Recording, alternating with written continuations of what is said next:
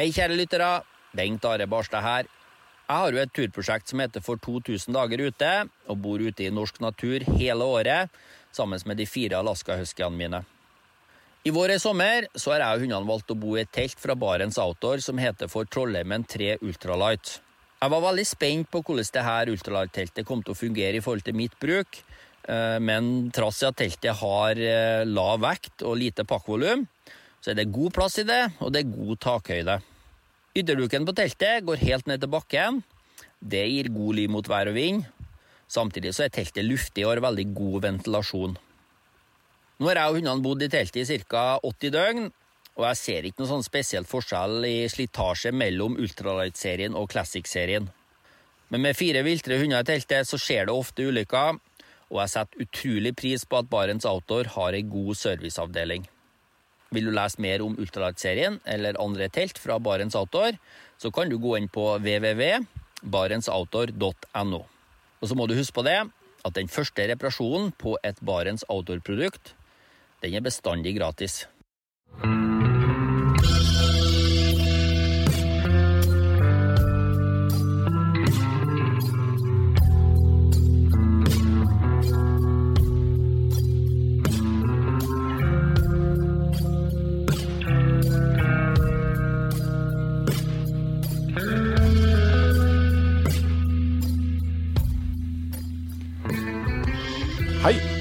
velkommen til podkasten Uteliv. Mitt navn er Randulf Valle. Dagens gjest er en av de virkelige legendene innen norsk friluftsliv. Han skrev sine første artikler om emnet på 1970-tallet, og har et tusentalls bidrag til ulike magasiner på samvittigheten, i tillegg til en rekke bøker og massevis av villmarksforedrag, annet. Hjertelig velkommen til Øystein Køhn. Tusen takk. I dagens episode så skal vi jo få høre mer om de rikholdige opplevelsene du har hatt, og ikke minst så skal vi bruke god tid på de mange og lange kanoturene dine i Canada og Alaska. Altså, har du tall på hvor mange ganger du har vært i Canada og Alaska? Ja, totalt med jaktturer, fototurer, opplevelsesturer og rene ekspedisjoner, så tror jeg det er akkurat 40. Akkurat 40, ja. Det, det er jo et eh, solid antall. Eh, men eh, nå sitter vi i Vestfold. Er vi i Porsgrunn, eller er vi i nærheten av Porsgrunn? Det der var skammelig. Vi er i Telemark, Ja. og vi er i, oi, oi. og, og, og vi er i Skien. Oi, oi, oi. Ja, ja men, men jeg hoppa av toget i, Porsgrunn. Ja, Jeg, jeg skjønner jo at sånn, når du er inne på sånn lokalgeografi, eh, så, eh, så er jo de, det, det små forskjeller som gjør om du er i Små, men viktige forskjeller som gjør om du er i Porsgrunn eller Skien. altså For å være helt nøyaktig, så er vi 70-80 meter fra bygrensa til Porsgrunn. Men for oss som er født og oppvokst i Skien, så er Porsgrunn fortsatt en hvit flekk på kartet. Ja, ok. Ja, Det er litt sånn som med, Strømsgods og Mjøndalen, hvor du kunne eh, omtale motstanderlaget med postnummer. Ja, men Det er helt riktig, for jeg har bodd i Mjøndalen i syv-åtte år, så det kan jeg underskrive på. Ja. Så må jeg bare ta all mulig bitende kritikk og stokkeslag for manglende geografikunnskaper om Sør-Norge. Jeg innser at alt som er egentlig sør for Dovrefjell, med unntak av Gausdal og Vestfjell, det er et kunnskapshøl. Jeg lover bot og bedring. Ja, Unnskyldningen er akseptert. Ja. Men det jeg skulle fram til, da, er jo eh, Vi tar opp denne episoden her nå på våren. Eh, har du hatt en fin eh, tur- eller naturopplevelse nå i det aller siste? Ja, det har jeg. Det var i påsken. Jeg eh, bygde for eh, snart 40 år siden en hytte som senere har blitt et lite hyttetun uten vei, vann og kloakk i Birtedalen på Fyresdal Vesthei. Og det er mitt annet hjem. Der tilbrakte jeg halvannen uke i påska. Eh, Hytta ligger for seg sjøl oppå en haug med fantastisk utsikt. Og den eh, morgenen som jeg var ute, skulle over tunet, som det heter, og hører orrhanene spille borti lia. Det er like deilig hver gang når jeg hører den lyden. Og så tar på meg trugene, går over myra bortover og bort i denne høyskogsdalen der borte. Og, og ser enormt med, med fugleskitt. For nå, nå så tidlig så spiller jo orrhanene bare fra topp. Og utrolig fint å høre den lyden. Den også har en veldig stor populasjon av hakkespetter der oppe. Eh, Alle norske hakkespetter har jeg fotografert der oppe. Og og høre f.eks. svartspetten komme seilende på, på den her bue, karakteristiske buene sine, og så sitter i den gamle Ospa ned for meg og, og, og skriker. Fantastisk. Ja. Eh, Er det hyttetunet her et sånn sted som eh, Altså, hva slags eh, hvor- hvor- Hvordan har du fått tilgang til det? Dette er en lang historie, kunne bli et program for seg sjøl. Under krigen så måtte min far eh, gå i dekning nokså mye, for han var veldig aktiv i Milorg. Og da havna han i Fyresdal. Og der kom jo Quisling fra, så det var jo rette stedet. Da jeg vokste til, og broren min eh, vokste til, så ville far gjerne vise oss fram til de som hadde hjulpet den under krigen. Og så havna vi etter hvert oppe på Kvipt, denne gården som er presentert på, på TV en del ganger. Det var den gangen en øydegard uten vei, og den ble fraflytta i 1962, tror jeg det var. Men eh, den gang så bodde det folk der oppe og dreiv gården. Eh, Jeg holdt kontakt med han som, altså sønnen til han som hadde Kvipt, da. han er et år yngre enn meg, og har fortsatt god kontakt med han. Og da unga var små, lånte jeg det gamle eldhuset der oppe, og vi lå der noen ferier. Og så fikk jeg lyst til å få meg et sted der oppe. Og så var det en som averterte halvferdig hytte oppe i dalen der, nokså langt vekk fra Kvipt for øvrig. Så ringte jeg til Åsmund og lurte på om han kunne gå og se på den for meg, om det var noe verdt å satse på. Og da spør han hvorfor det da? Nei, jeg har lyst til å få meg ei hytte her oppe. Ja, men jeg hever nokre tomter jeg au, sa han. Og så forklarte han hvor det var. Da sa jeg jeg tar den, usett, og siden har jeg vært der. Ja. Så bygde jeg, dette har jeg gjort sjøl, med alle de feil det går an å gjøre, bygde jeg ei hytte der oppe. Så fikk jeg lyst til å ha et anneks til gjester, så fikk jeg lafta opp eh, lita bu som jeg satte opp sjøl der. Og så fikk jeg lyst til å bygge litt mer. Jeg ville gjerne ha en badstue der oppe. Vedfyrt sådan, selvfølgelig. Oh, det, nå, nå krysser du alle riktige plassene i boka her. Og så lafta jeg opp den, og der har jeg også et komplett knivmakerverksted. Og så fikk jeg lyst til å ta kjøkkenet vekk fra, selve, fra stua i hytta. Så tok jeg motorsaga og skar høl i veggen, og så bygde vi ut en fløy der. Ved hjelp av noen kamerater. Det gjorde vi på én helg. Og så fikk jeg lyst til å flytte dassen vekk fra hytta, og så bygde jeg et lite uthus. Så nå har jeg et tun med, med fire bygninger der, og dette er mitt paradis. Der tilbringer vi veldig mye tid. Ja. Men når du snakker på eh, altså faren din som tok deg med eh, på tur, ja. altså var det, eh, var det en sånn viktig eh, innfallsvinkel til friluftslivet? Ja, nå er vi inne på det essensielle her. Eh, Disse spørsmålene har jeg fått veldig mange ganger før. Og da sier jeg at jeg er vel egentlig vokst opp i en ryggsekk. Opp og ned til Skrehelle. Skrehelle er den eh, høyeste toppen nord for Skien her. Og lenge før jeg kunne gå, hadde jeg vært der oppe. Og min far var ivrig friluftsmann og fluefisker. Og han lærte meg alt jeg kunne om friluftsliv. Så da jeg var eh, litt eldre, så blei jeg medlem av Speideren. Der var jeg veldig ivrig, og var i Speideren i veldig, veldig mange år. Og den gang så var Speideren en veldig friluftsretta organisasjon. Og vi hadde veldig gode ledere. Og jeg lærte veldig, veldig mye der. Fantastisk tid i Speideren med et utstrakt friluftsliv både sommer og vinter. Ja, hva slags eh, hva var det man lærte i speideren, da? Godt spørsmål. Altså, litt av svakheten med speideren, det er at du skal lære litt om alt. Men vi, vi sentrerte dette på friluftslivet. Jeg lærte å gå på tur. Jeg lærte å ligge ute, jeg lærte å ligge i telt, jeg lærte å bygge granbarhuk. Vi lå ute om vinteren i snøhule og telt. Eh, Gikk lange turer, korte turer. Vi lærte tauverksarbeider, vi lærte å surre, bruke treverk. Vi lærte førstehjelp. Og fantastisk viktig. Og dette var et grunnlag for ting jeg har hatt bruk for i mine senere ekspedisjoner. Men eh, sånn som eh, kanoen har jo vært eh, viktig i friluftslivet ditt. Var det gjennom speideren du blei introdusert for den? Helt riktig. Eh, Husker du første gang du padla kano? ja, det var vått. altså, det var ikke mye kanoer den gangen. Nå, nå er vi faktisk tilbake på tidlig 60-tall. Uh, det begynte å komme noen glassfiberkanoer, men det var mest de gamle tre- og spantebygde kanoene. Og min første befatning med kanoer, det var jo gjennom speideren. På 60-tallet så arrangerte roverspeiderne i Vestfold, understreker Vestfold, eh, noe som het Hallevannshaiken. For akkurat over fylkesgrensa så ligger Hallevannet, en innsjø med masse greininger og fjorder, fantastisk sted. Og der var vi opptil opp til en 60-70 kanoer fra, fra Grenlandsdistriktet og Vestfold. Og der eh, hadde jeg mine første padleturer. Og dette fikk jeg dilla på, så skaffet vi oss i, i dette roverspeiderlaget vårt vår egen kano, og så var det gjort. Og etter hvert så utvikla jeg dette videre, det ble masse padleturer.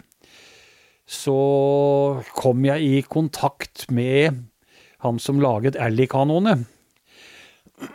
Det var egentlig en tilfeldighet. Jeg skrev den gangen en sånn friluftsspalte for bladet Vi Menn, som den gang var et rimelig skikkelig blad. Og da var det en som hadde anmeldt en Ally-kano. Og han hadde helt tydeligvis ikke filla greie på kanoer. Så jeg ringte inn til redaktøren og sa at det våset der skulle jeg gjøre bedre sjøl.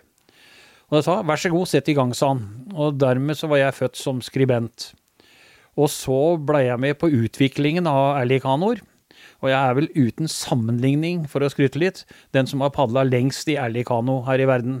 Har du noe oversikt, liksom? Med noe tanke om Nei, hvor mange altså, kilometer det kan være? Litt rått, hvis du regner med alle ekspedisjonene, treninger og alt mulig, så har jeg vel et eller annet sted mellom 40 og 50 000 kilometer i, i Erlikano. Hmm, Det er anselig. Jo, det er en del. Hmm, jeg tror du har eh, tigangen av meg. da. ja, det er mulig. Nei, og så har jeg jo utvikla kanopadlingen videre, da. Og det var litt morsomt, for han eh, som står bak Ally-kanoen, Ragnar Jensen, som også var eier av Bergans i veldig mange år, han eh, satsa på en amerikansk kano som het Jensen. Litt morsomt, for Ragnar heter også Jensen til etternavn. Jensen er jo en av verdens beste kanoprodusenter, og tok inn en veldig rask kano og lurte på om vi hadde kunne tenke oss å padle noe løp bort til Sverige. Og det høres spennende ut, så begynte vi å trene på å padle løp. Og jeg fikk meg en makker, som også var en av gutta i, dette kanoutvalget i Speideren. Og vi trente veldig mye og dro til Sverige. Det var ca. 1500 båter i start borte i Kongsbakka. Padlet ca. tre mil. Og tro, det eller ei, så vant vi hele greia. Det gjorde vi i fem år. Og da var jeg konkurransepadler i en 10-12 år. Padlet da lange løp maraton i kano. Og det der eh, eh, Jeg har jo hatt en episode med Pål Krogvold. Han snakker på altså Det er jo et, et det, det er jo et miljø for sånn eh, maratonpadling i kano. Som, vi har ikke noe i Norge som ligner på det. Nei, vi hadde. Uh, Pål var jo den argeste konkurrenten min. Jeg kjenner jo Pål veldig godt. Meget hyggelig kar, for øvrig. Og vi konkurrerte nesten bare i utlandet. Sverige, Danmark, jeg var i Tyskland og rundt omkring. Og jeg vet Pål også var over i eh, USA, hvor det er et kjempemiljø for maratonpadling i kano. Dessverre så døde maratonpadling i kano med vår generasjon her i Norge. Ja, men, men det er mulig. Altså, det, det eksisterer fortsatt i, i eh, Sverige, sånn at hvis noen føler kallet, så går det an å eh, dra over. Ja, ja, ja. Og altså, du har jo en del av disse langløpene i Norge fortsatt. Og uh, du kan delta i kano, selv om de 99 padler kajakk. Er det egne klasser for, uh, for kano? eller? Det var. var. Og kanoklassen var på ja, må være 80, 80 tidlig 90-tall ganske stor. Det var, det var mange kanoer. Alt fra folk som knapt kunne padle, til vår som trente systematisk. Men, men sånn med ikke sant, eh, padleteknikk og sånne ting, altså hvordan fant dere ut av eh, det? Nei, det Først så var det rein eksperimentering, altså på bakgrunn av turpadlingen. Og så begynte vi å studere amerikanske padlere. Og da vi begynte seriøst å padle maraton, så padlet vi en amerikansk teknikk hvor vi padlet med ca. 60 tak i minuttet. Korte tak med en bent shaft, altså en bøyd, kort åre. Og så switchet vi for hvert tiende tak for ikke å få melkesyreopphopning i, i den høye armen. Og det, det, det var ganske uvant for meg, som knapt ellers stikker åra på høyre side. Mm. Og vi, vi, vi trente veldig mye. Veldig mye. Ja. Så Men, men sånn når det gjelder elvepadling og sånn, altså jeg husker altså, jeg er jo en del yngre enn deg, har begynt å prøve å finne ut av det her på 90-tallet. Og stort sett det eneste du fant ut i Norge, var at å padle i elv, det var farlig. Eh, så jeg fant jo bøkene til han Det var Mason Anette? eh, 'Path of the Paddle'. Bill Mason, Ja. han er jo kanopadlingens far. Ja. Han har skrevet eh, to-tre bøker, jeg har alle sammen i biblioteket mitt. Og han padlet jo kun åpen kano. Og da elvepadlingen kom til Norge i kano, så var det via en tsjekker. En god venn av meg som eh, etter invasjonen i Tsjekko, eh, gamle Tsjekkoslovakia utvandret til Norge. Han heter Karl Stork, og så vidt jeg vet lever han ennå og bor på Elverum. Veldig trivelig fyr. Han kom med elvepadlingen til Norge. Den gang satt jeg i kanoutvalget i Norges Speiderforbund, som var vel nest det eneste organiserte kanoarbeidet i Norge. Og ble hyra inn av Idrettsforbundet og masse andre organisasjoner og holdt kurs. Og vi, vi, jeg begynte å holde, sammen med mine venner, eh, kurs i elvepadling i, i lukka kano. Altså i C1, kano 1 og kano 2, altså for toer. Og altså etter dagens normer, ikke de store utfordringene, men vi klarte nå å knuse og knekke en del kanoer. Da hadde det masse moro. Så det var vel en spede begynnelse. Så, så ble det jo klubber etter hvert, og folk eh, Det var mange som engasjerte seg i, i, i elvepadling i kano den gangen. Etter hvert så kutta jeg ut det med lukkede elvekanoer, og har padla ganske grove elver i åpen kano. Med, ofte da selvfølgelig med kapell, altså spraycover. Og der er jo Erlien aldeles glimrende egna. Kanskje den eneste som er egnet til virkelig grove elver, for det at skroget er såpass mykt at når du går inn i store elver, så vipper du baugen litt opp, så det, det lever, det bukter seg nærmest nedover de store bølgene. Ja, snålt å se en elg fra sida, liksom over såter i et stryk. Ja, det er, det er, det er innmari gøy. Altså, jeg har padla også stryk borte i Canada, hvor uh, vi har tømt hatten etterpå. Det, og da, da er det ganske rufsete. Og jeg har aldri helkrasja en, eh, en alley i elv. Nei. Selv om jeg vet det er mange andre som har gjort det. Det um, det, Nei, det, er- det er noe triks, da, blant annet med å stripse spanta og sånt noe. For uh, hvis du går rundt, og kanoen går kast i kast nedover, så har en tendens til at du slår ut spant, og mister du spant, så er det ikke noe moro. Jeg husker første på en måte, Vi havarerte en Eller den klarte seg merkelig nok, da, men vi vrappa en alley i Karasjoka på første liksom, ordentlige elveturen. Altså hvor når, du, når kanoen blir sittende fast på oversida av en stein, og strømmen eh, vrenger rundt steinen. Og da, da skjønner du litt hvor mye krefter det er i vann, altså. Klassisk, klassisk måte å ødelegge en kano på. Hadde det vært glassfiber eller eh, hva som helst annet, så hadde den kanoen vært død. Jeg opplevde eh, ja, jeg har velta, eller gått ned to ganger på av mine alle ekspedisjoner i Canada og Alaska. Og det ene var, eh, var et veldig langt stryk på Skal vi se, jo, det var Hood River. Og vi hadde padla hele stryket ned, og så gjorde jeg en feilvurdering i bånn. Jeg syns det gikk en tunge, som vi kaller det, en sånn eh, strømtunge, ned i midten av elva. Så jeg tok den. Istedenfor å fylle yt følge yttersvingen, som jo er direkte. Og i bånn der var en stor stein, og der stoppa det. Og da er også det problemet med at kanoen blir sittende fast, og etter hvert så blir den fylt med vann. Da blir den tung, og så begynner den å bøye seg. Jeg klarte å redde den kanoen, hoppa ut og fikk dratt den over. og Det var jo tre grader i vannet, så dette var jo litt spennende. da. Fikk den på land, og da så den ut som en banan. Men det er det fine med Erlind. Vi hoppa litt opp og ned på den og bøyde den ut, og så etter en times tid så var vi på elva igjen. Ja, ja den, er- den eh, tåler litt av hvert, ja. Men sånn, tenker jeg sånn med, med turpadling. eh, Begynte dere, å, altså, eh, begynte dere å utforske Norge òg her? Jeg har padla over hele landet. Jeg har jo skrevet en haug med bøker med rutebeskrivelser i Norge.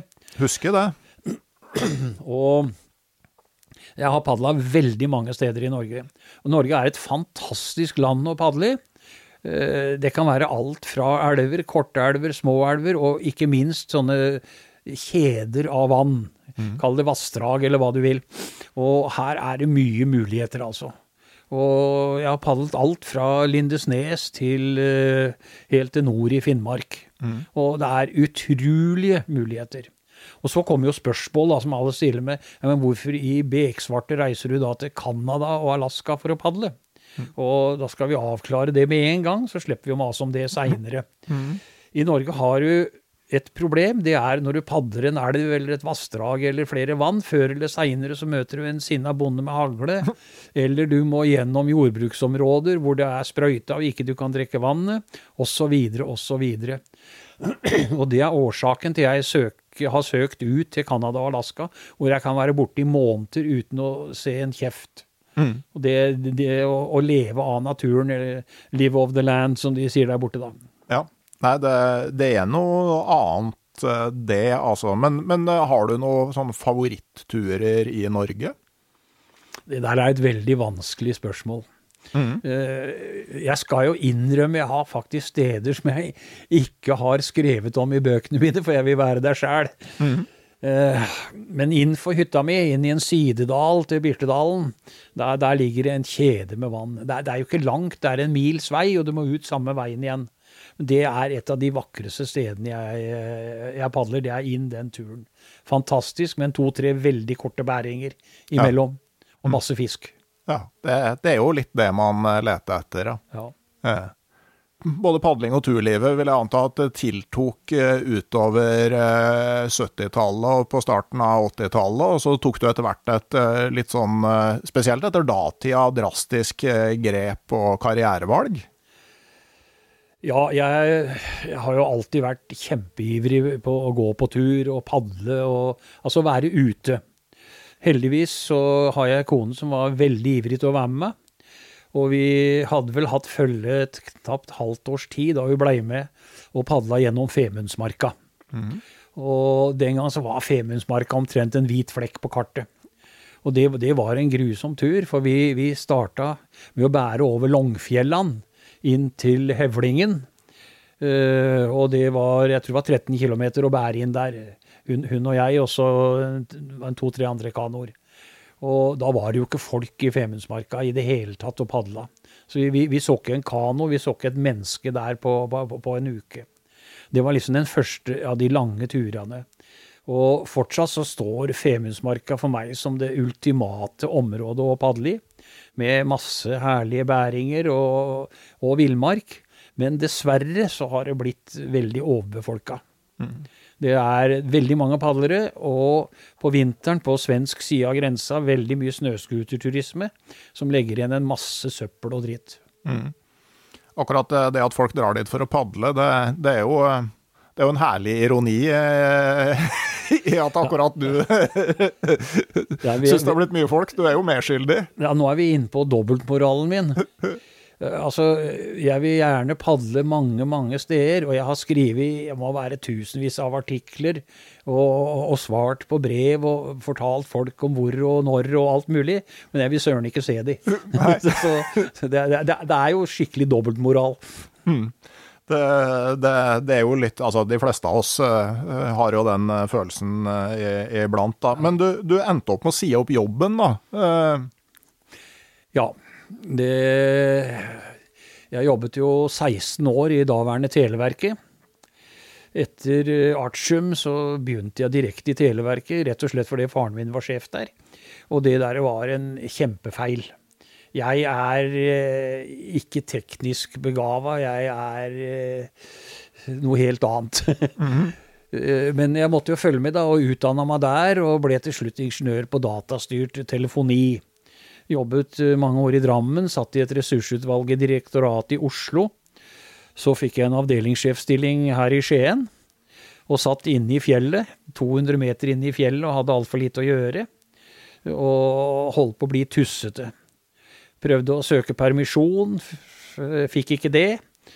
Så fikk jeg en anledning til å Nei, jeg var og padlet eh, VM i, i Singapore. Og da ble, fikk jeg permisjon med full lønn. Og da jeg kom hjem, så begynte jeg å bygge hytta mi, og da jeg hadde satt opp grunnen på den, så dro jeg til Alaska for å padle min første tur i 1984.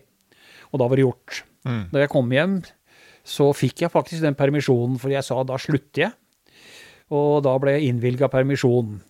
Så var jeg, jeg, satt jeg her og jobba der som vi er nå, og skreiv på et eller annet, og så kom det en telefon. Det var fra NRK Telemark, som holder til bare noen hundre meter bak meg oppe på haugen her. Og lurte på om jeg kunne tenke å ta et vikariat, og det sa jeg ja til.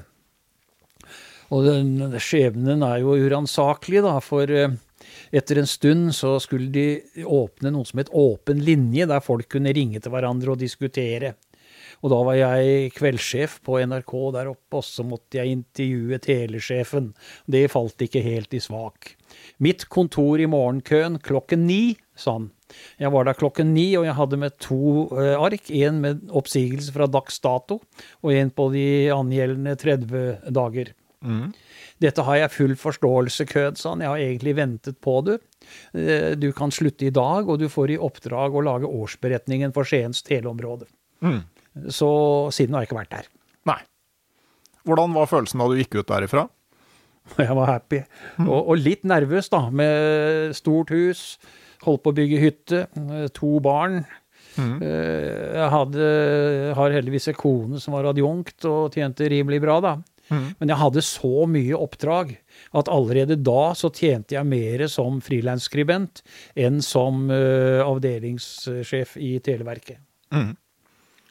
Og du har da vært eh, Jeg syns eh, Ragnar Thorseth hadde et veldig bra uttrykk for eh, sin tilværelse. Altså egen arbeidsskaper. Veldig godt sagt. Ja.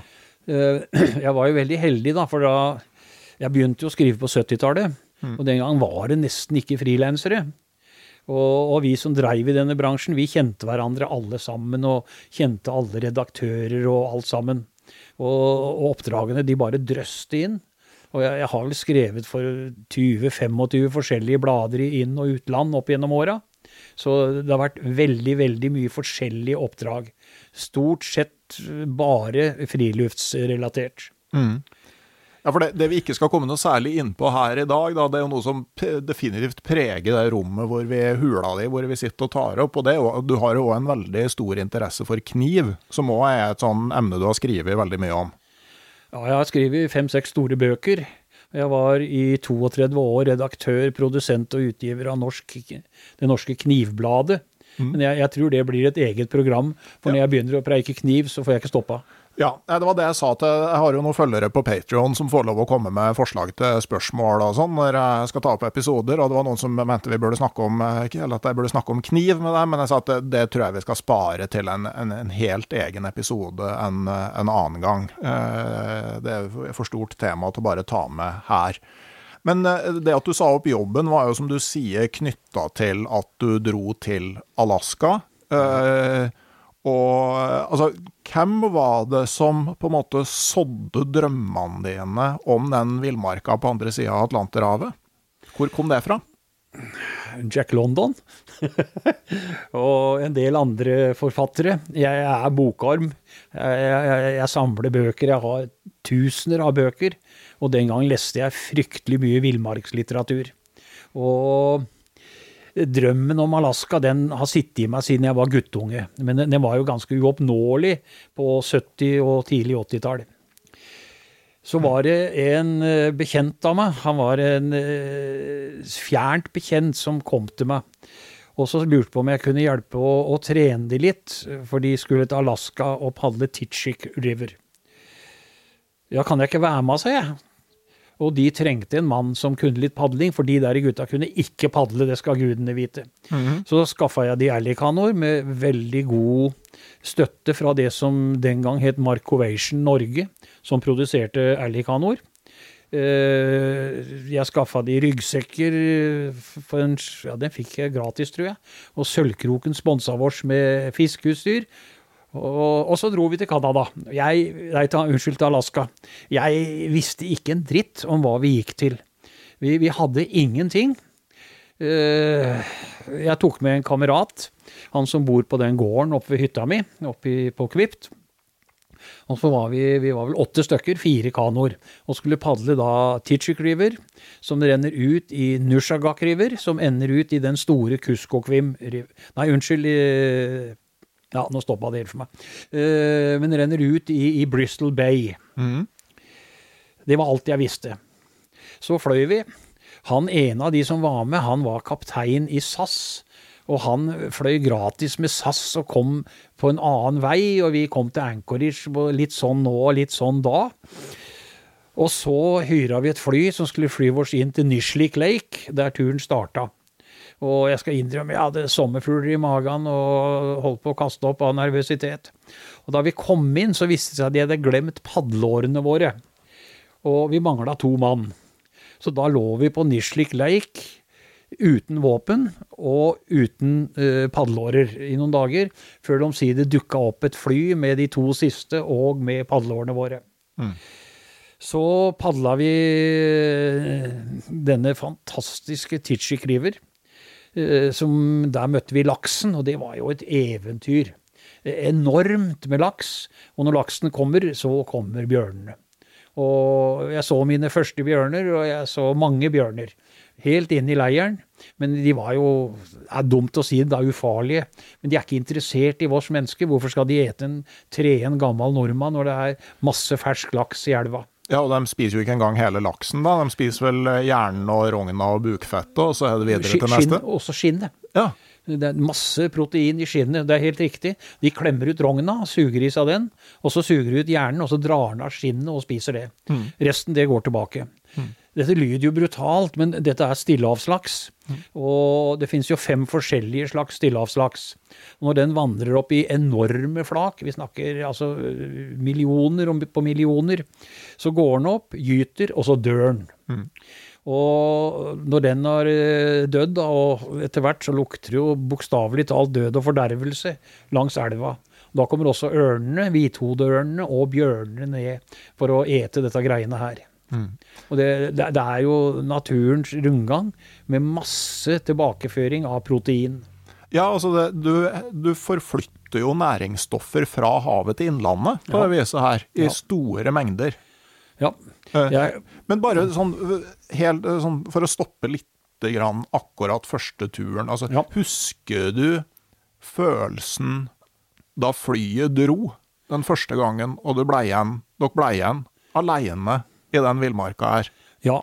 Den sitter der som et klo i magen enda. Ja, spesielt fordi vi ikke hadde padleårer. Eh, jeg var nervøs. Det skal jeg ærlig innrømme. Jeg var skrekkelig nervøs og forventningsfull. Jeg, jeg var kvalm.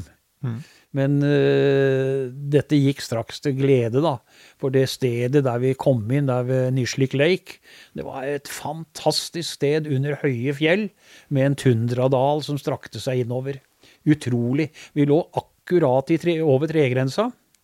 Så da vi begynte å padle, så var det ikke mer enn én dag, så var vi nede i skauen. Hmm. det, det, var, det, var en veldig, det var en veldig lett tur. Selv om vi hadde, vi hadde et relativt stygt velt underveis. Men det var pga. udugelig padling. Og det var en sviper. En sviper det er trær som rotfestet er vaska vekk under. Så henger det ut i elva som en klo for å ta tak i det. Og de gutta klarte ikke å padle utenom den, og så gikk de rundt. Og hadde selvfølgelig ikke pakka alt vanntett og forsvant litt av hvert. Jeg har noen fine bilder av noen som tørker passa sine på, på en pinne over bålet. Ja. Eh, Men sånn eh, sweepers, altså trær ute i elva, er egentlig veldig farlig. For det, sånn, det er eh, igjen litt sånn som når du blir sittende fast på oversida av en stein. altså Kreftene som holder deg fast, er veldig store, altså. Du, det er, det er verre enn det du skildrer her. Det tar mange liv Ja. hvert eneste år. Og problemet hvis du går i en sviper og det er sterk strøm, så vil den strømmen den vil også presse deg ned, og så vil du drukne. Jeg eh, har gått på sviper én gang. Det var også i Alaska. Og det, det, det var en stygg sak. Altså, vi, vi, vi, så, lå den, vi, så den lå der. eh, en sånn halvmeter over vannet. Et stort cottonwood-tre, og så skulle vi padle utenom. Og så dukket det opp det vi kaller en sopp.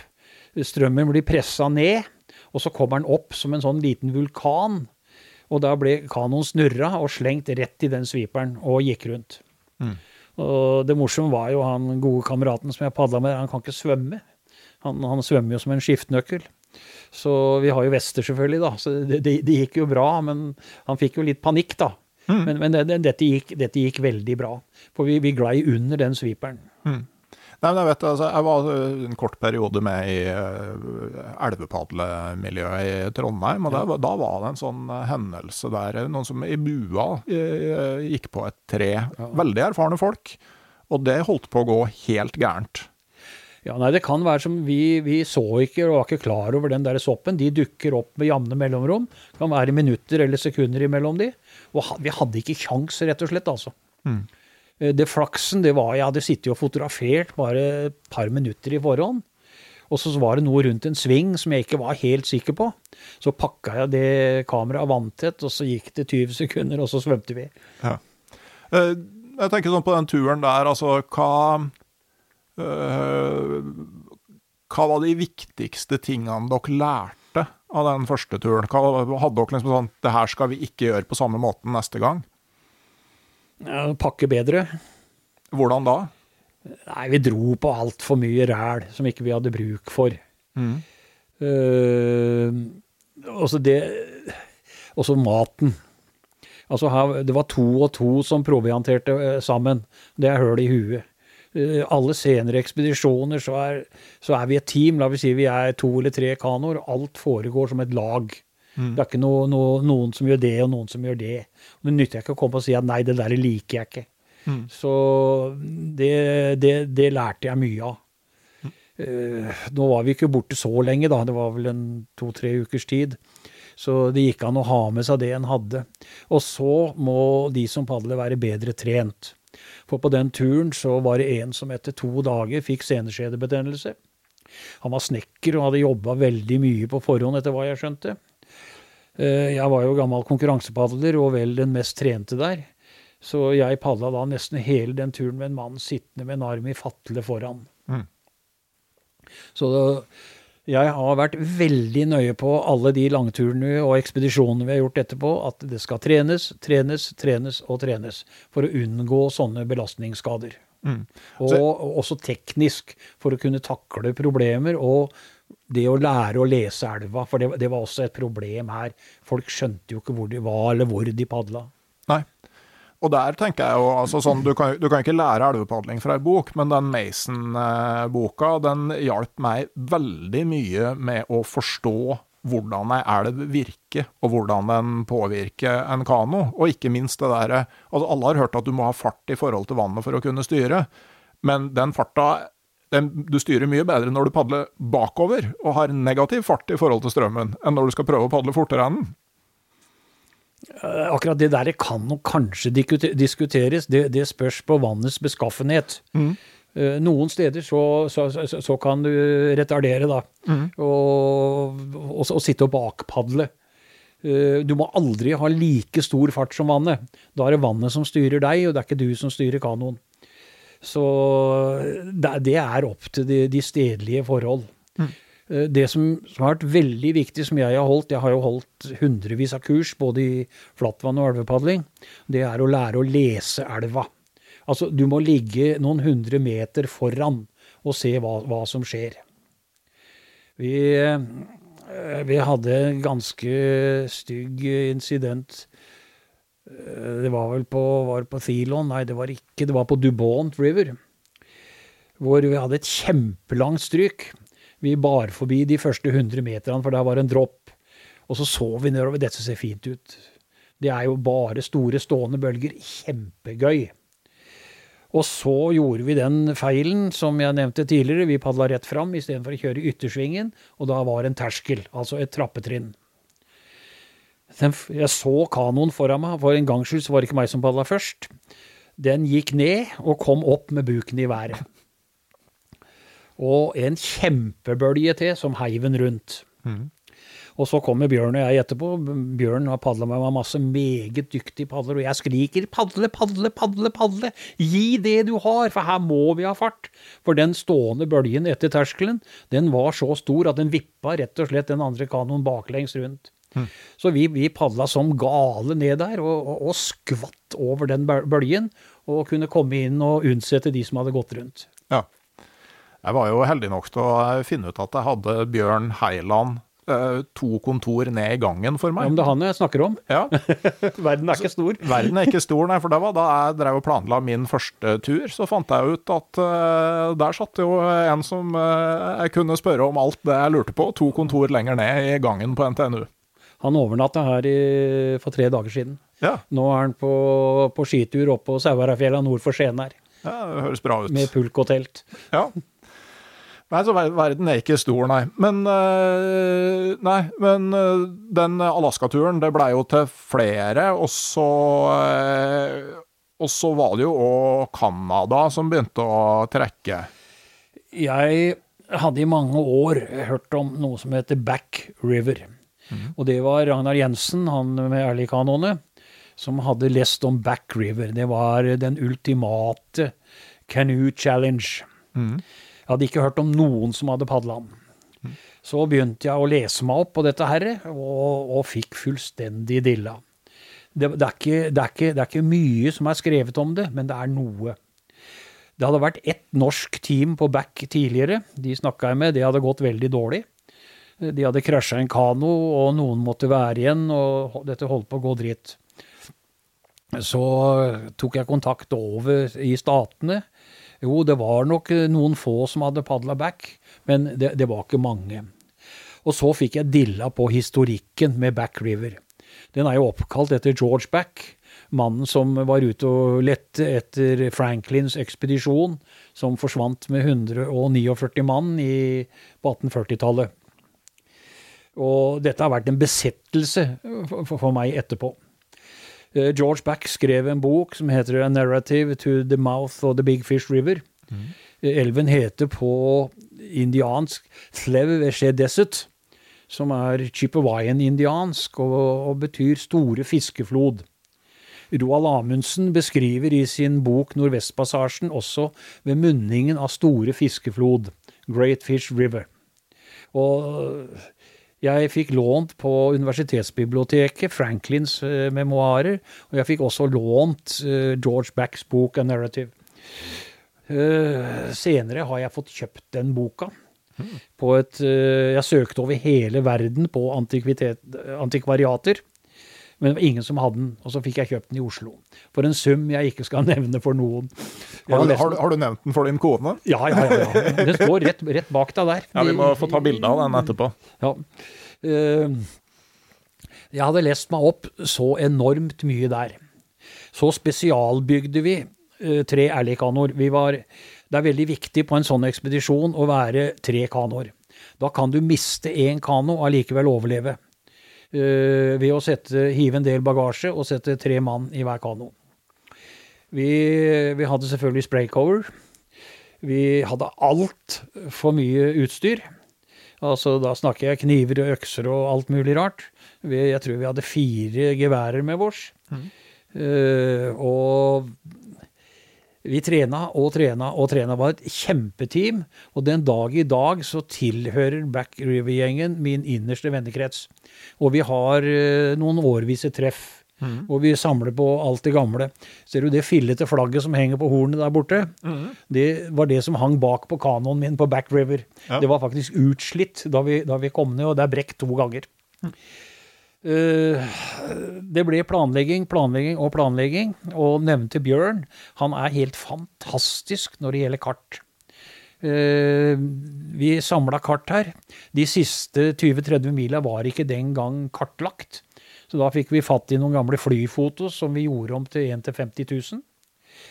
Og det er jo også problemet med amerikanske kart. Det er jo yard to a foot eller noe sånt noe.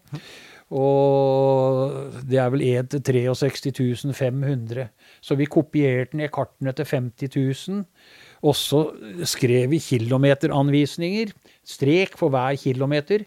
Merka med rødt der det var stryk Og, så vi, vi, var, vi var veldig godt forberedt.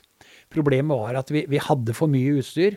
Og øh, jeg hadde nok padla veldig mange av de stryka vi bar, de hadde jeg padla i dag. Men øh, vi var forsiktige. Og det ble mye bæring med mye utstyr.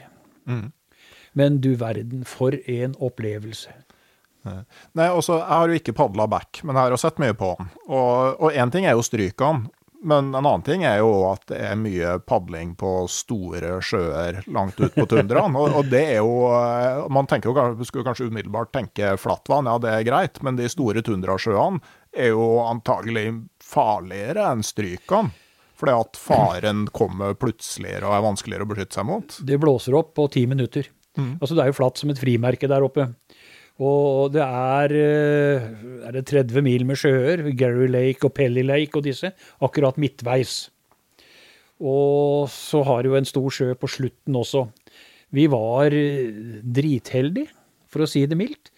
Vi hadde på den første sjøen så var det Vi kom ned der, og så var det krystallklart. Et fantastisk bilde der kanoen ligger helt som i speilbildet. Eh, Så kom vi halvveis, og så sa det plopp, og så blåste det. Og da blei det landligge et par dager. eh, To-tre dager.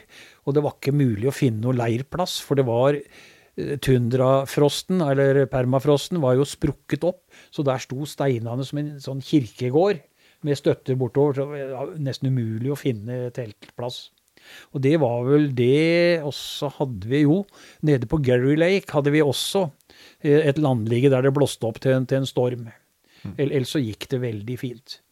Vi hadde ett velt på den turen, det var nesten til å begynne med. Og det var uoppmerksomhet, rett og slett.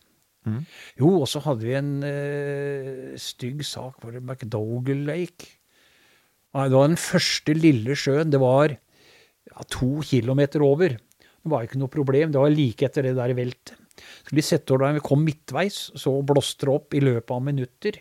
Og det var to-tre meter bølger.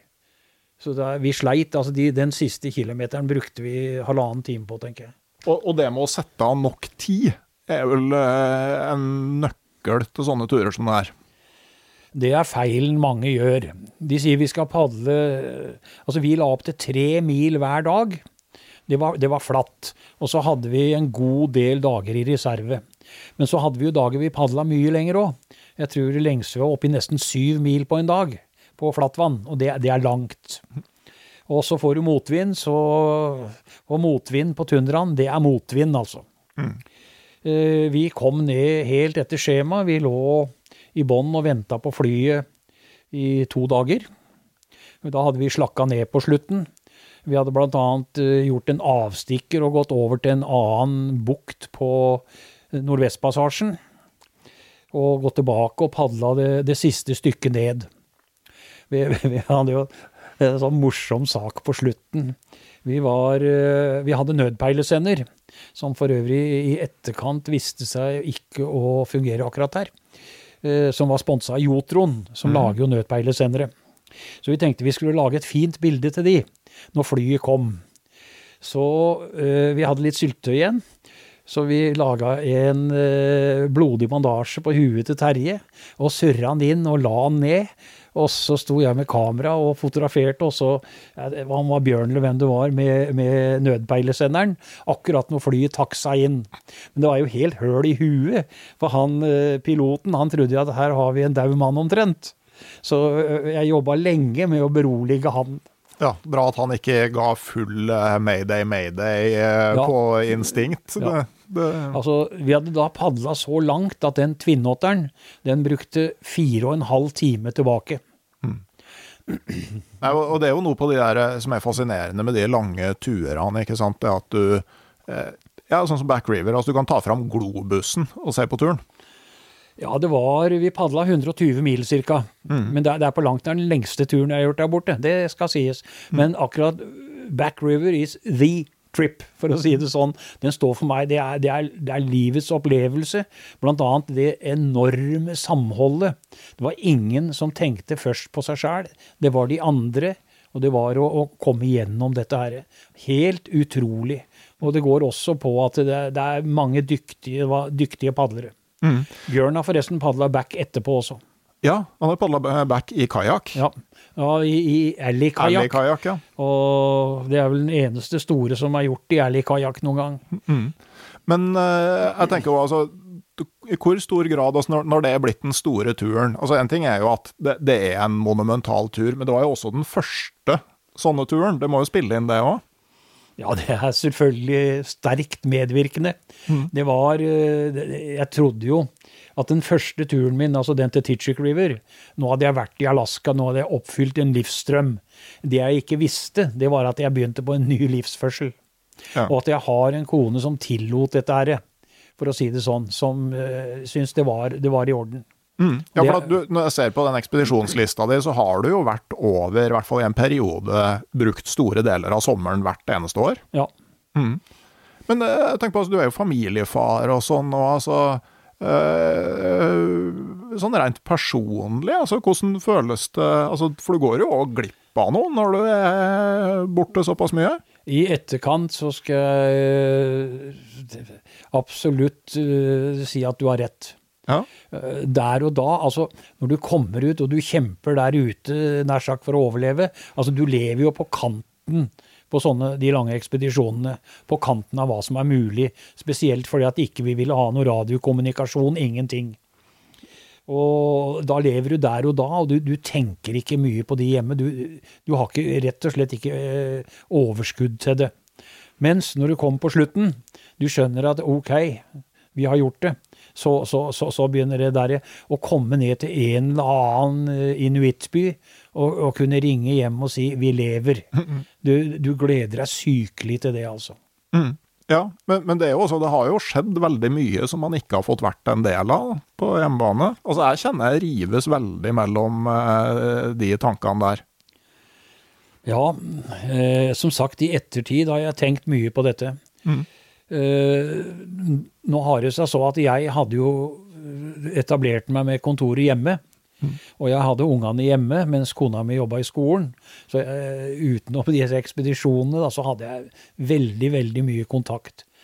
Og min sønn var 15 år da han var med meg over første gang.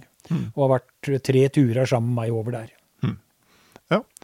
Nei, det, det er jo bare interessant å, å vite. Men, eh, men sånn øh, ikke sant, Faren din var fluefisker, så, og, sånn, og så dra over til Canada. Så, eh, hvor stor del var fiske av det av liksom, Hvor stor del av forventningene var det? Det var store forventninger. Og etter hvert så blei det matauk. Altså, sportsfiske der borte, det er jo ikke det vi forbinder med sportsfiske, det var matauk. Vi, det var ikke fluefiske, det var sluker så svære at du kunne slå i hjel en mann med de. Altså, jeg tror rekorden min på lake trout, altså den store innsjørøya der borte, er 16 kilo. Vi har hatt laks på over 20 i Alaska. Mm. Alaksa. Og etter hvert så blei det matauk. Og jeg får si det sånn, altså når du kom hjem, hadde noen servert meg fisk den første måneden, så hadde jeg trøkt det ned et visst sted på de. Altså når du spiser fisk tre ganger om dagen, da, da er ikke det du har mest lyst til når du kommer hjem.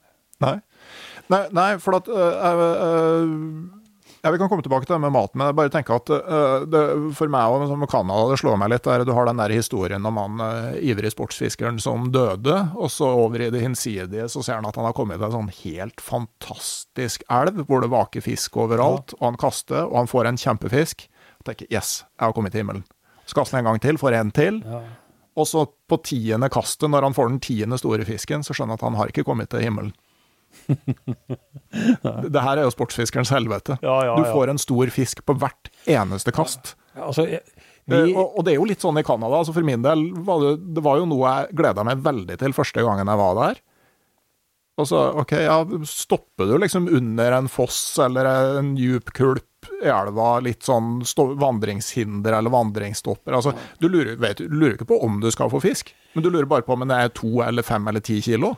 Ja, altså det, det er en del regler der borte som mange ikke er klar over. Altså Når laksen går opp, så, altså stillehavslaksen, så slutter den å ta til seg føde. Og den biter egentlig ikke på åte.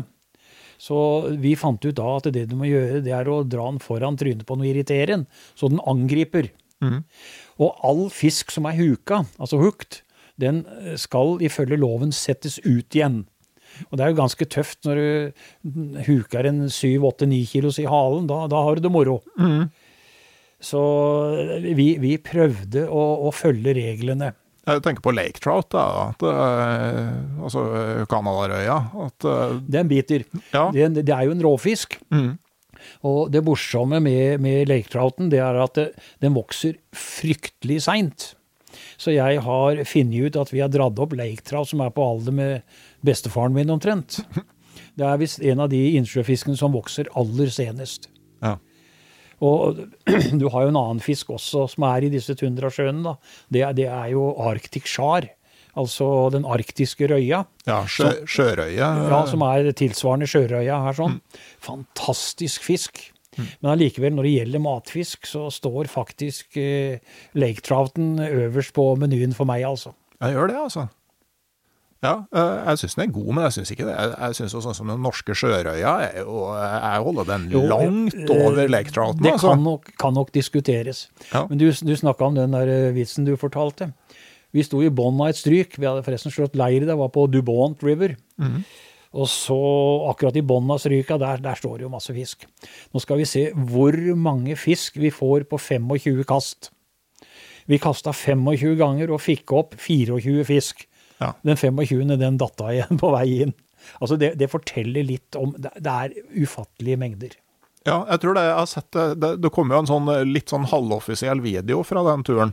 Og det er vel Bjørn Heiland. Han rekker aldri å begynne å fiske, for han tar opp videokamera for å filme det her. Og når han legger fra seg kamera, så er egentlig fiskeøkta over. Ja, jeg tror det er den kulpen nede på Dubont. Akkurat der, det, det var altså fem minutter før, vi, før det der veltet jeg fortalte om i stad. Ja. Og der sto vi eh, fire mann, fem mann og fiska, og Bjørn filma. Og alle hadde fisk på over fem kilo på. Samtidig. Men altså, det, det, det er jo moro der og da, men, men for min del så var det sånn et element av Canada-turene som veldig fort havna ganske langt ned på lista over det jeg gleda meg til. Da. Altså, øh, Jeg, jeg fiska meg også ferdig, og da blei det matauk etterpå det. Altså, nå trenger vi tre fisk, da henta vi tre fisk. Mens noen aldri blei ferdig. De fiska og fiska og fiska. Og noen var ikke filla-interessert. Altså, altså det Forskjellige oppfatninger. Men øh, jeg tenkte å, øh, som jeg noterte meg bak øret her, altså det med, med den plutselige vinden. Altså det er jo folk som, øh, som har lyst til å dra over og prøve å padle, og, og det må faktisk fortøye kanoen og forankre den ordentlig når man er i camp. Det er også et, en ting som øh, man må være ganske nøye med. Vi la alltid kanoene opp på land, snudde de, og la noe tungt oppå. Mm. Der det var mulig. Ja. ja, for det er de ettermiddags, altså sånn ettermiddagstordenværet på tundraen i Canada, det kan være temmelig brutalt. Vi hadde en skremmende opplevelse da vi var halvveis nede på back. Vi hadde gått på land og jakta rype, skaut en haug med ryper. Så sitter vi der, det var veldig fint vær, og så blåste det ganske mye, så vi fant ut nå tar vi ettermiddagen her, og så padla vi når det stilner på kvelden. Og så sitter vi der og kikker, og jøss, der kommer en kano. O svarte, det er vår! Så da, da, da hadde en av kanoene var ikke godt nok dratt opp, og hadde blåst ut. Oi. Heldigvis var vi to kanoer til da, som var ute og klarte å, og, klarte å berge den før han blåste for langt. Stygg sak som vi lærte mye av. Ja. Nansen og Johansen hadde jo en sånn med kajakken sin. Ja, ja jeg vet det. Og Nansen måtte svømme ut. Det var jo to kjekke karer, det, vet du. De lå i telt sammen og et årstid års tid eller så og til tiltalte hverandre med de. Ja, Helt fram til jul, eller noe sånt. Ja. Eh, Johansen kom jo her fra byen, vet du. Det gjorde den, ja. Eh, Og nå vet jeg at vi er i Skien og ikke Porsgrunn. Godt. Har du lært noe i dag, du Og til og med i Telemark. Men det er viktig å lære en ting hver dag. Ja, ja, ja. Jeg vet jo egentlig det, da. Og jeg, jeg vil anta at det var Numedalslågen vi kryssa med toget ikke lenge før vi kom hit. Helt riktig. Ja. Rett før Larvik. Jepp. Eh, Men du ser sier jo fisken er en eh, viktig del av eh, maten. Altså sånn, hvis, du, hvis vi går litt sånn videre i padlehistorikken, da, så Og du sier jo du har padla lengre turer enn back, og jeg, jeg, tenker jeg vil gjerne over på det som uh, heter arktisk kanoekspedisjon. Uh, fra Yellowknife til Baker Lake. Ja. Uh, for det er jo en lang tur. Jeg tror ikke den var gjennomført tidligere. Dette var en idé som Bjørn fikk, mm. og jeg heiv meg selvfølgelig på den. Og dette var Vi var tre som hadde vært mange ganger over før fra back, og én ny mann. Som har vært med flere ganger etterpå, en god venn av oss. Vi starta fra Yellowknife og skulle padle da rundt 50 mil på Store Slavesjø. Det, det var jo været eller ikke været, og åssen is- og vindforholda blei. Vi, vi, var heldige, la det være sagt med en gang. Uh, han eh, sistemann som var med, han fikk trøbbel. Sånn eh, kan du si mentalt med dette. Mens vi padla tre mil hver dag, altså la opp til tre mil da, og prøvde å padle mere, så, så telte vi liksom 30, 29, 28, 27, 26 km, og så hadde vi gjort det. Mens Harald han, han visste vi skulle padle 150 mil, og satt da og telte 1500, 1499, 1498. Og, og han sa ikke et ord omtrent første uka.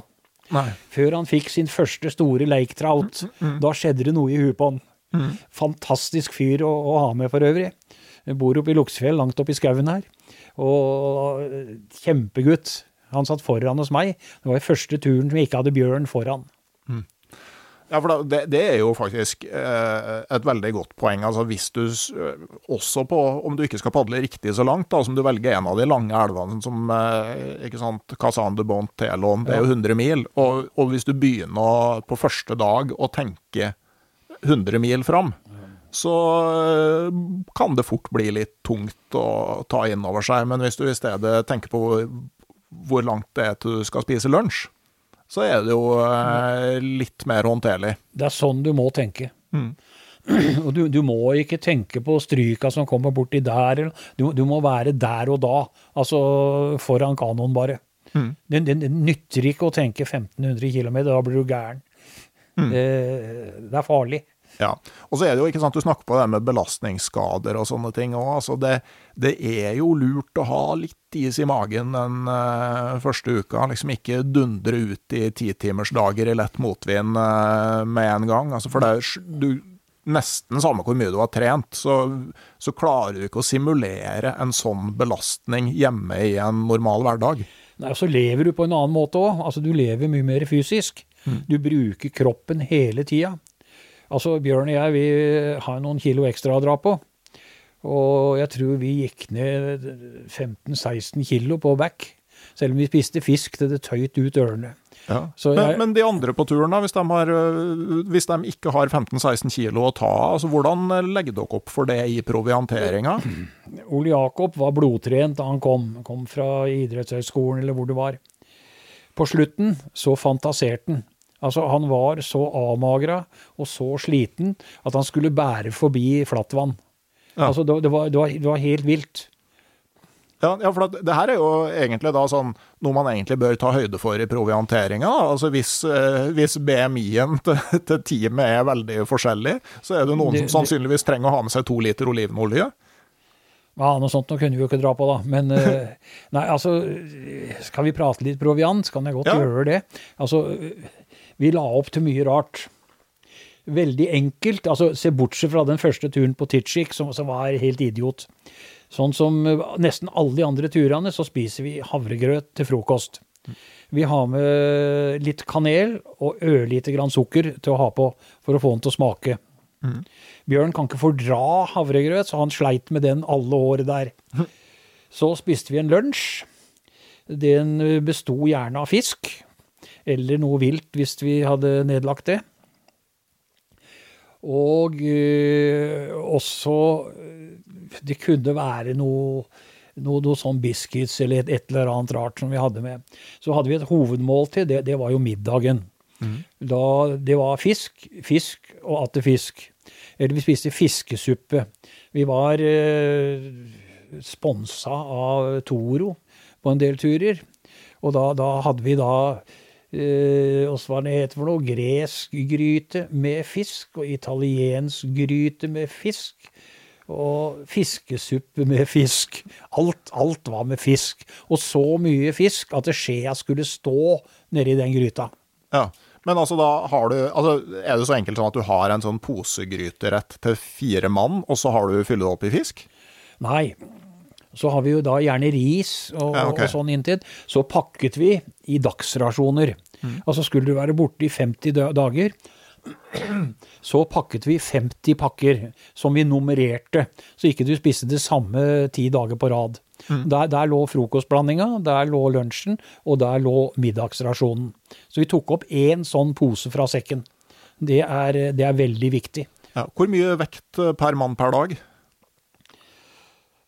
Lite. Ja. Vi, vi, eh, altså jeg, jeg, jeg, jeg vil ikke antyde noe i det hele tatt, men husk på, uansett hvor lenge vi skulle være borte, så skulle alt sammen gå i ryggsekkene. Vi, vi, vi, vi kunne ikke ha noe løse kolli. Det hadde vi på back, og det fikk vi svi for. Eh, De første bæringene ble forferdelige. Ja, for at Litt av poenget er jo ikke sant at eh, det er veldig stor forskjell på om du må ha to eller tre runder på bæringa. Ja, nei, altså vi, vi, vi la opp kun til to runder. Vi var nødt til å gå to for å hente kanoene. Ja. Og hvis det var lange bæringer, så bar vi halvveis, gikk tilbake, og så gikk fram, og gikk resten og tilbake. Og på slutten av turen så bar vi ett. Da gikk kanoene på, på toppen på huet. ja. Vi, vi hadde jo også med bære og laga enkle bæreåk, men de blei brent opp etter hvert. Ja. Det var drass. Men er har øh, prøvd meg litt fram og funnet at du kan jo faktisk ha en diger sjekk som du tar på den første bæringa, og så klarer du å bære en dagstursjekk sammen med kanoen på den andre. Ja, der, der gikk fotoutstyr og sånt. Ja, nettopp. Ja, nei, vi, vi hadde det. Eh, Altså på, på, på Telon, som er den lengste turen min, da, 35 dager, så tror jeg vi kom ned til ca. 500 gram per mann per dag i mat. Ja, jeg tror ikke vi har hatt så mye engang. Nei? vi, må jo, vi har jo prøvd litt av hvert, da. Og eh, en gang kom jeg borti noe som heter Avita. Det er kosttilskudd som ble brukt til eh, eh, sånn eh, Hva heter det for noe? Folk som sulta i Afrika. OK. Og dette var kjempenæringsrikt. Mm. Og dette fikk vi så mye vi ville ha. Altså til hungersrammede, da. Og da hadde vi med Vi erstatta da havregrauten med Avita. Jeg, jeg senser katastrofen eller matleiheten matleigheten Kata- komme sigende her. Katastrofen er påtagelig. Det, det smakte tapetklister, og vi kalte det for tapetklister. Uansett hva vi blanda i det der djevelskapet, så var det helt forferdelig. Det var grusomt. Jeg hadde en sånn idé, det var ikke, det var ikke mer enn en tidagerstur. Vi hadde en sånn idé om at vi skulle ha marsipan til lunsj. Oh, herregud. Og det smakte godt de to første dagene, og så var det progressivt verre utover. eh, Ja, men det er én ting som jeg må ta med. Mm.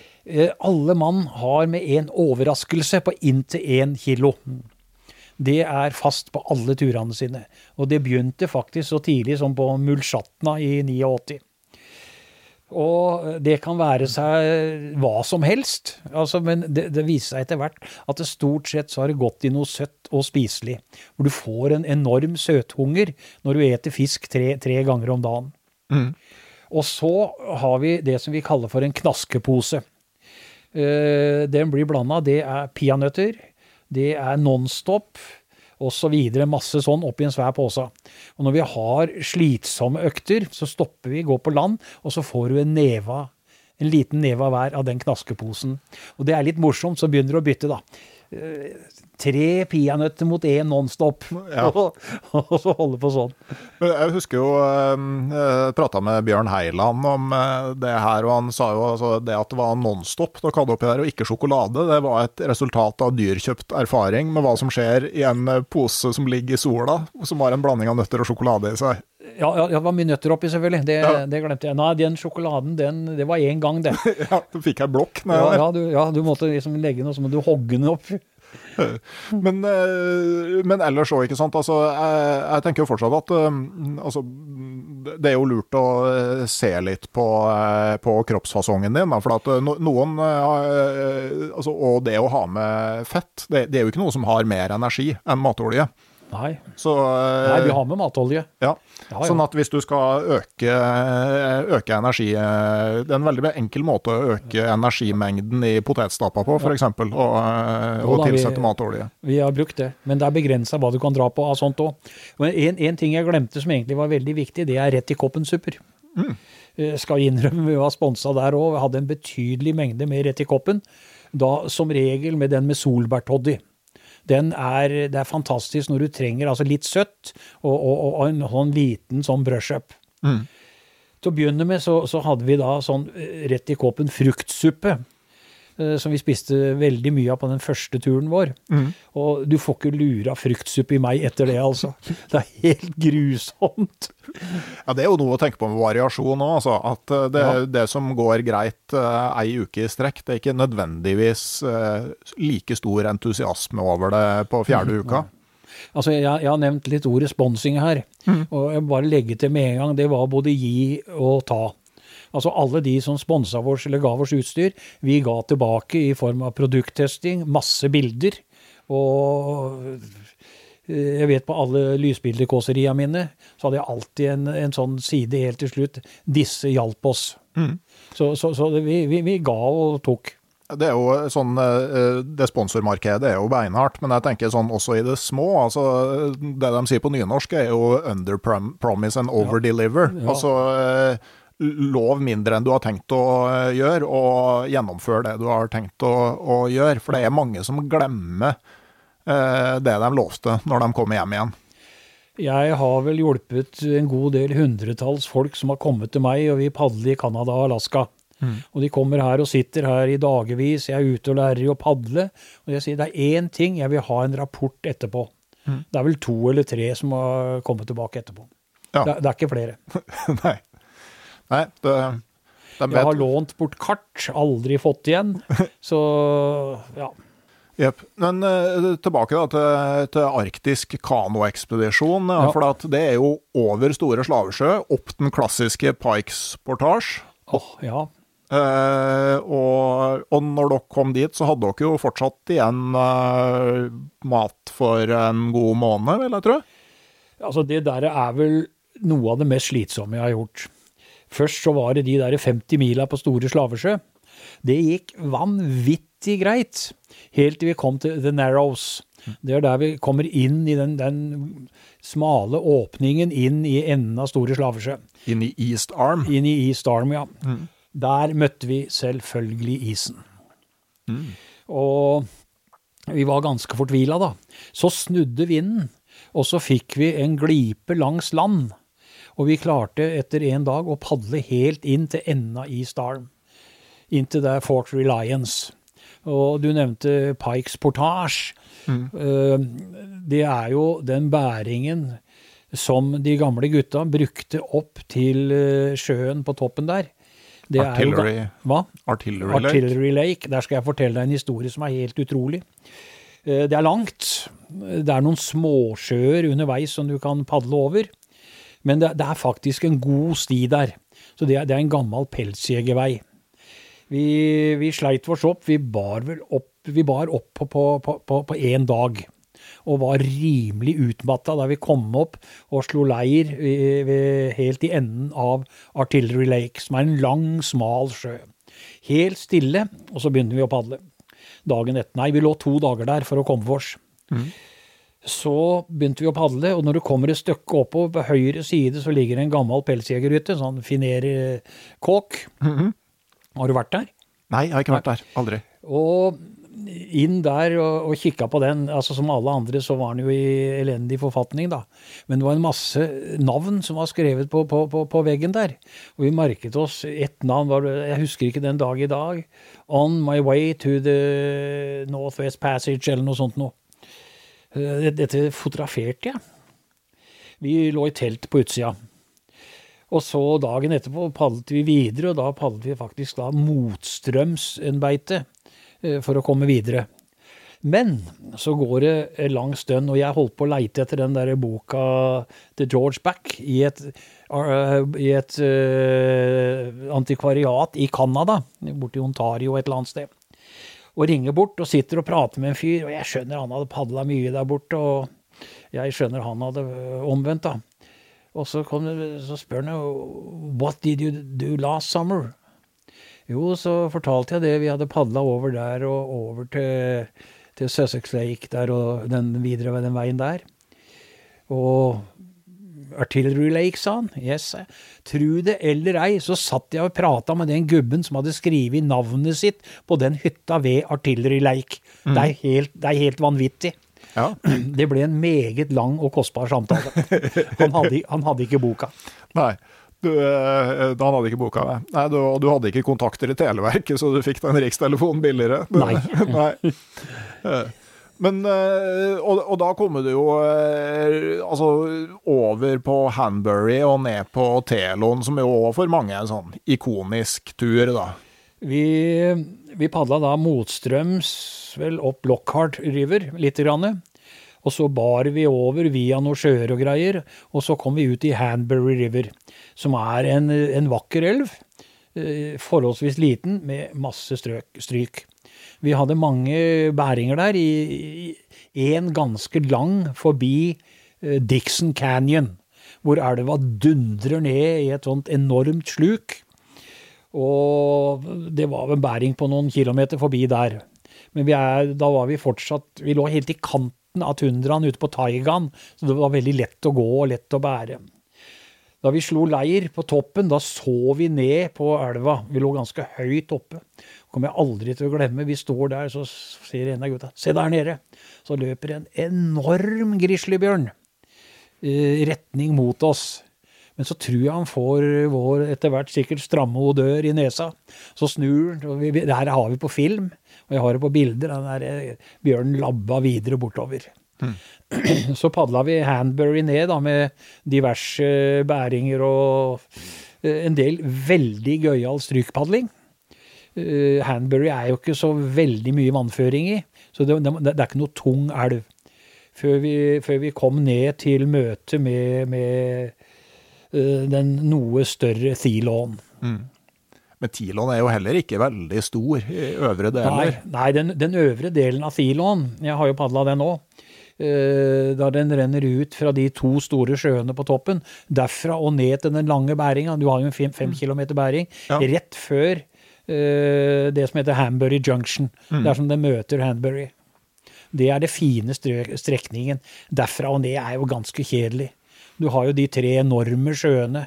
Ja, Det blir jo litt sånn på back, da. At du eh, får et intermesso med storsjøpadling. Og det, det gjør du jo på stort sett alle de store Ja, eh, vassdragene på tundraen Altså, i Canada. Det, det er veldig mange som slutter av turen akkurat der du kommer ned til den første av de sjøene. Men vi padla som vanlig helt ned til eh, denne byen som ligger i enden der. Mm. Baker Lake. Baker Lake, ja. Men, Husker du at eh, jeg hadde lagt igjen hilsen til dere ved utløpet av siste sjøen? ja. Hadde til og med lagt igjen sjokolade, men den var ikke godt nok skjult under steinen. den var borte. Det var måkene hadde spist den, og den Ja, hadde nei, det, spist var, det var akkurat rundt den svingen ved det stryket der, også på høyre side. Nei, vi slo leir der. Ja. Vi blåste på land der, faktisk. Vi, vi kom oss over alle tre sjøene uten å være værfast. Ja. Og så kom eh, uværet og varte i tre dager, akkurat idet vi var Nei, vi lå rett før det, en halv dagsetappe før det, lå vi i tre dager. Ja. Det var noe enormt med molter der. Noe så inn i granskauen med molter. Så vi, vi pella en plastsekk full. Og da vi kom ned til Baker, så, så robba vi jo butikken der for fløte. Og så spiste vi, laga vi sånn slags moltekrem. Og vi satt jo på dass i dag etterpå, alle sammen. Magen tålte jo ikke dette her greiene. Nei, det, det, vil jeg, det vil jeg tro, ja. Men uh, hva syns du er forskjellen mellom uh, nordvestterritoriene og sånn i Canada og Alaska? Den er ganske stor. Altså, For det første så er jo Nordvestterritoriet Nå snakker jeg om det gamle Nordvestterritoriet, før det blir delt i to. Inkludert Nunavut? Ja, Inkludert Nunavut, så var vel det 4,2 millioner kvadratkilometer. Og for noen år siden bodde det ca. 50 55 000 mennesker der. Hvorav halvparten er Yellowknife. Jeg skulle akkurat å si det, ja. Yellowknife er jo en opplevelse for seg. Eh, I Alaska eh, er 1,7 millioner kvadratkilometer. Og så, så bor det da vel en eh, Det må jo være 700 000-800 000 mennesker der nå, kanskje flere. Eh, Alaska er villere, for å si det sånn. Elvene er villere. Høyere fjell. De er brattere. Det er høyere fjell og dypere daler.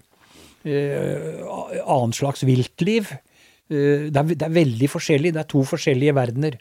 Eh, bortsett fra Jeg palte jo Noatak. Jeg vet ikke om du har vært på den? Nei.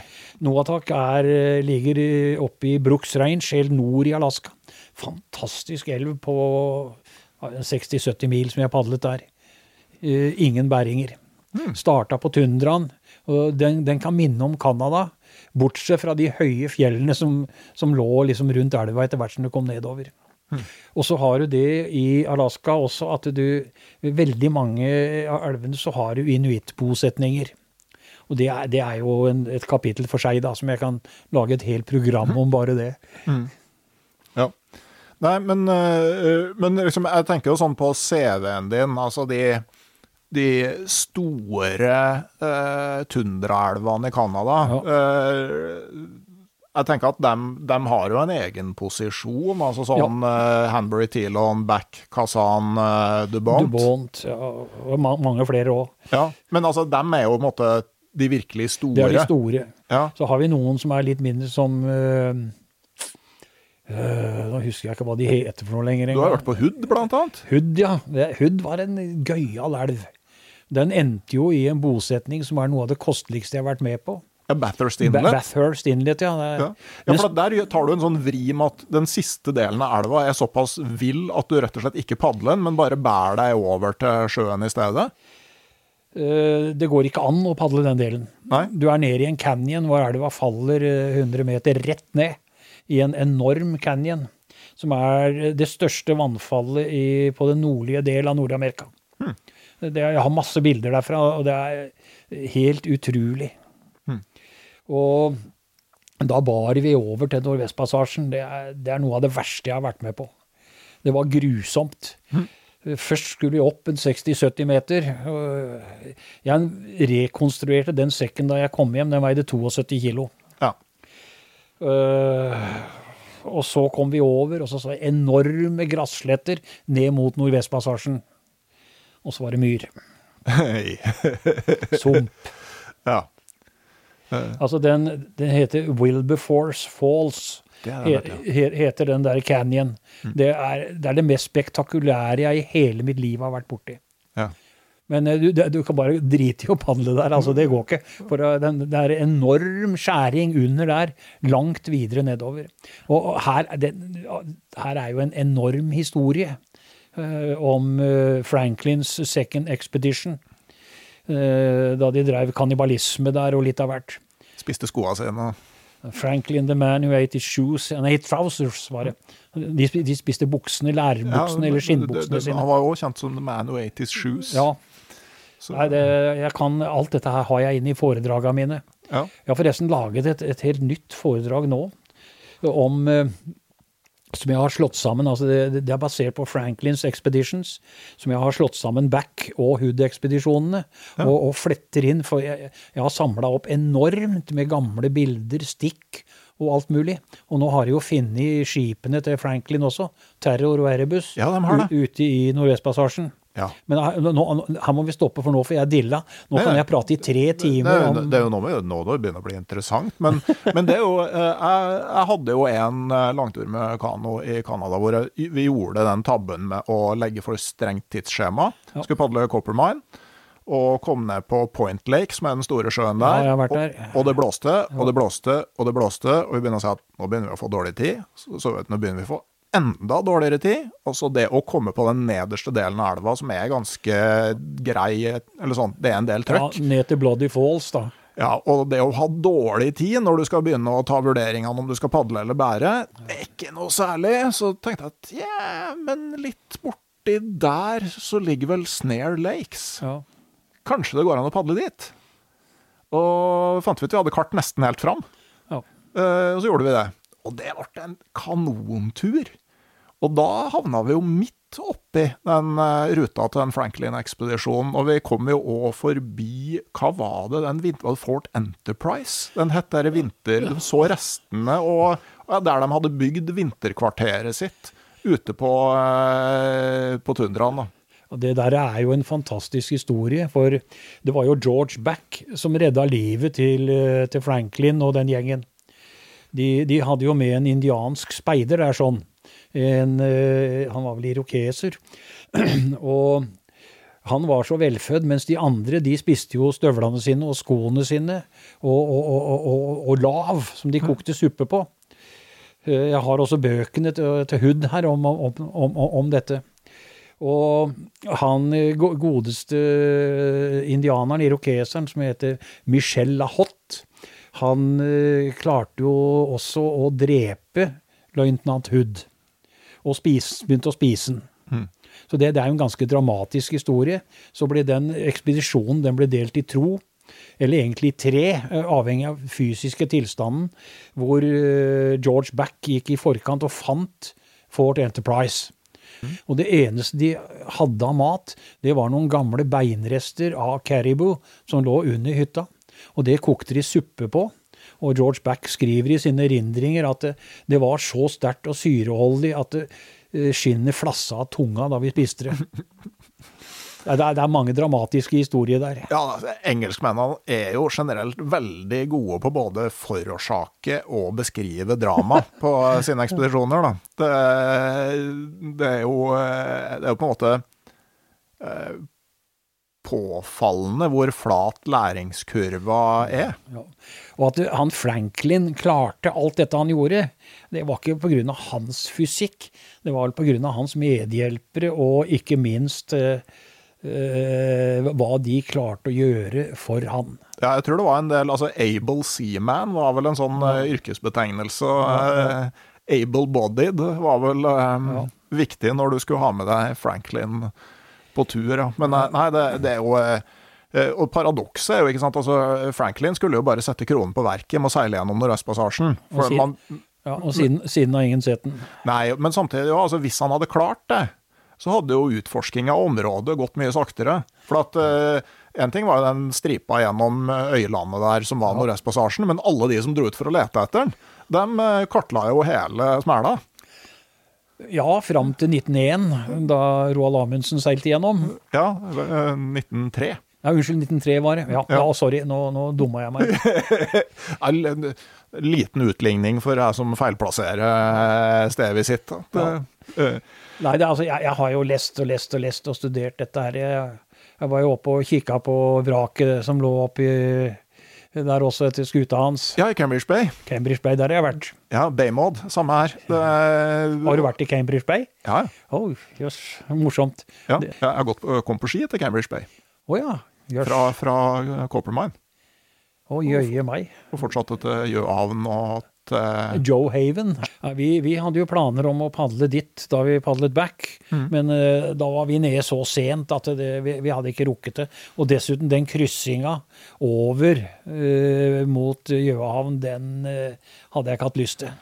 To gutter fra Finnmark som padla back og over til, ja, til Jøhavn. Jeg vet det. De var tøffe og ekstremt god form. Ja som padla De fikk jo de her uteriggerne på ja, ja, Alley-kanoen ja, og padla over til Øyahavn. Den ene blei ekstremt forgifta, for det var så mye, eller sånn dårlig, for det var så mye gåsemøkk rundt omkring. Og ikke fortelle om det. Ja, Så det, han de... Eh, lå på sjukestua i Jøahavn og fikk eh, intravenøs næring, så vidt jeg husker.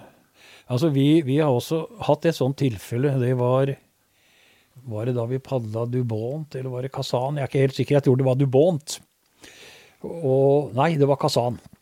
Og Jogeir, som hadde flere av turene våre, for øvrig svogeren til Bjørn, mm -hmm. uh, han fikk Plutselig så begynte handa hans å hovne opp, og så ut som en velhengt skinke. Og det viste seg han fikk altså blackflies-infeksjon. Altså Blackflies er vel djevelens utsendte medarbeidere på jorda.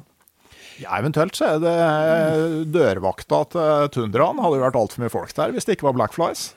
Du, det er, det er ubeskrivelig.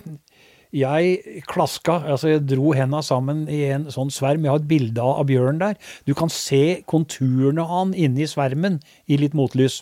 Mm. Da klaska jeg 312 i ett klask. Ja. Altså det, det, det, er helt det, Akkurat den kvelden er det verste jeg har opplevd. Ja, for Jeg har et sånt bilde fra Telon hvor jeg bare har tatt bilde av, av buksebeinet ja. mitt, og det ser ut som om det er pels. Det, det er liksom, De sitter i tjukke lag. Ja, det var vel også faktisk på Thilon, lenger nede på Thilon. Da, da hadde vi en sånn natt der hvor det ble helt stille. Og så kom Blackfliesen. Og da lå han altså som kaker opp etter teltveggen. Ja. Og det, det, liksom, det var sånn på, på Tilon så var det en gang altså Å få den kombinasjonen av at det er varmt og sol og litt trekk, sånn at du kan ta deg et bad, Ja, ja. Det, det kom først på fjerde uka, eller noe sånt. Det, Altså, det, er ganske viktig med de bada, for eh, det holder kroppsodøren nede, og da holder den også insektene litt bedre vekk. mm. Men uh, infeksjon i hånda, altså pga. blackflies-bitt Black, Blackflies bit, ja. For eh, da vi kom til Baker Lake, så sendte vi inn på sjukestua. Mm. Om morgenen vet, så brakk vi jo fingrene hans rundt kanogrepet. Og Det var- det sto som pinner. Ja. Nei, Så han ble sendt inn på sjukestua der, og så siden så vi ikke noe mer tenn. Nei. Så etter noen timer da, så fant vi ut jøss, har han daua der, eller hva er det som har skjedd? Nå kom vi bort, og der, der, der, der satt Jogeir med et salig flis, flir i, i fjeset. Se på det her, altså. de deilige damene, sykepleierskene. Vi, vi hadde jo ikke sett et kvinnfolk på flere måneder. Men, men jeg tenker jo med sånn eh, eh, det medisinske og sikkerhetsmessige, altså hva har dere med på sånne turer av eh, førstehjelp, medikamenter? Relativt mye. Jeg har en eh, venn som er lege, som hjalp oss å sette opp dette. Og til og med Altså, vi hadde jo også med suturutstyr. Vi har vel sydd én eller to ganger. Eh, Ole Jakob klarte å sette kniven i låret. Men Da var det så mye insekter at vi satt midt ute på Sussex Lake på back og sydde det der med et par sting. Mm. Vi har med morfinater for neddoping i krisetilfeller, eh, for fordøyelsesproblemer osv.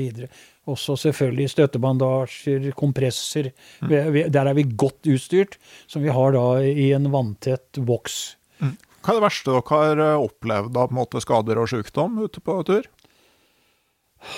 Vi har ikke hatt noe.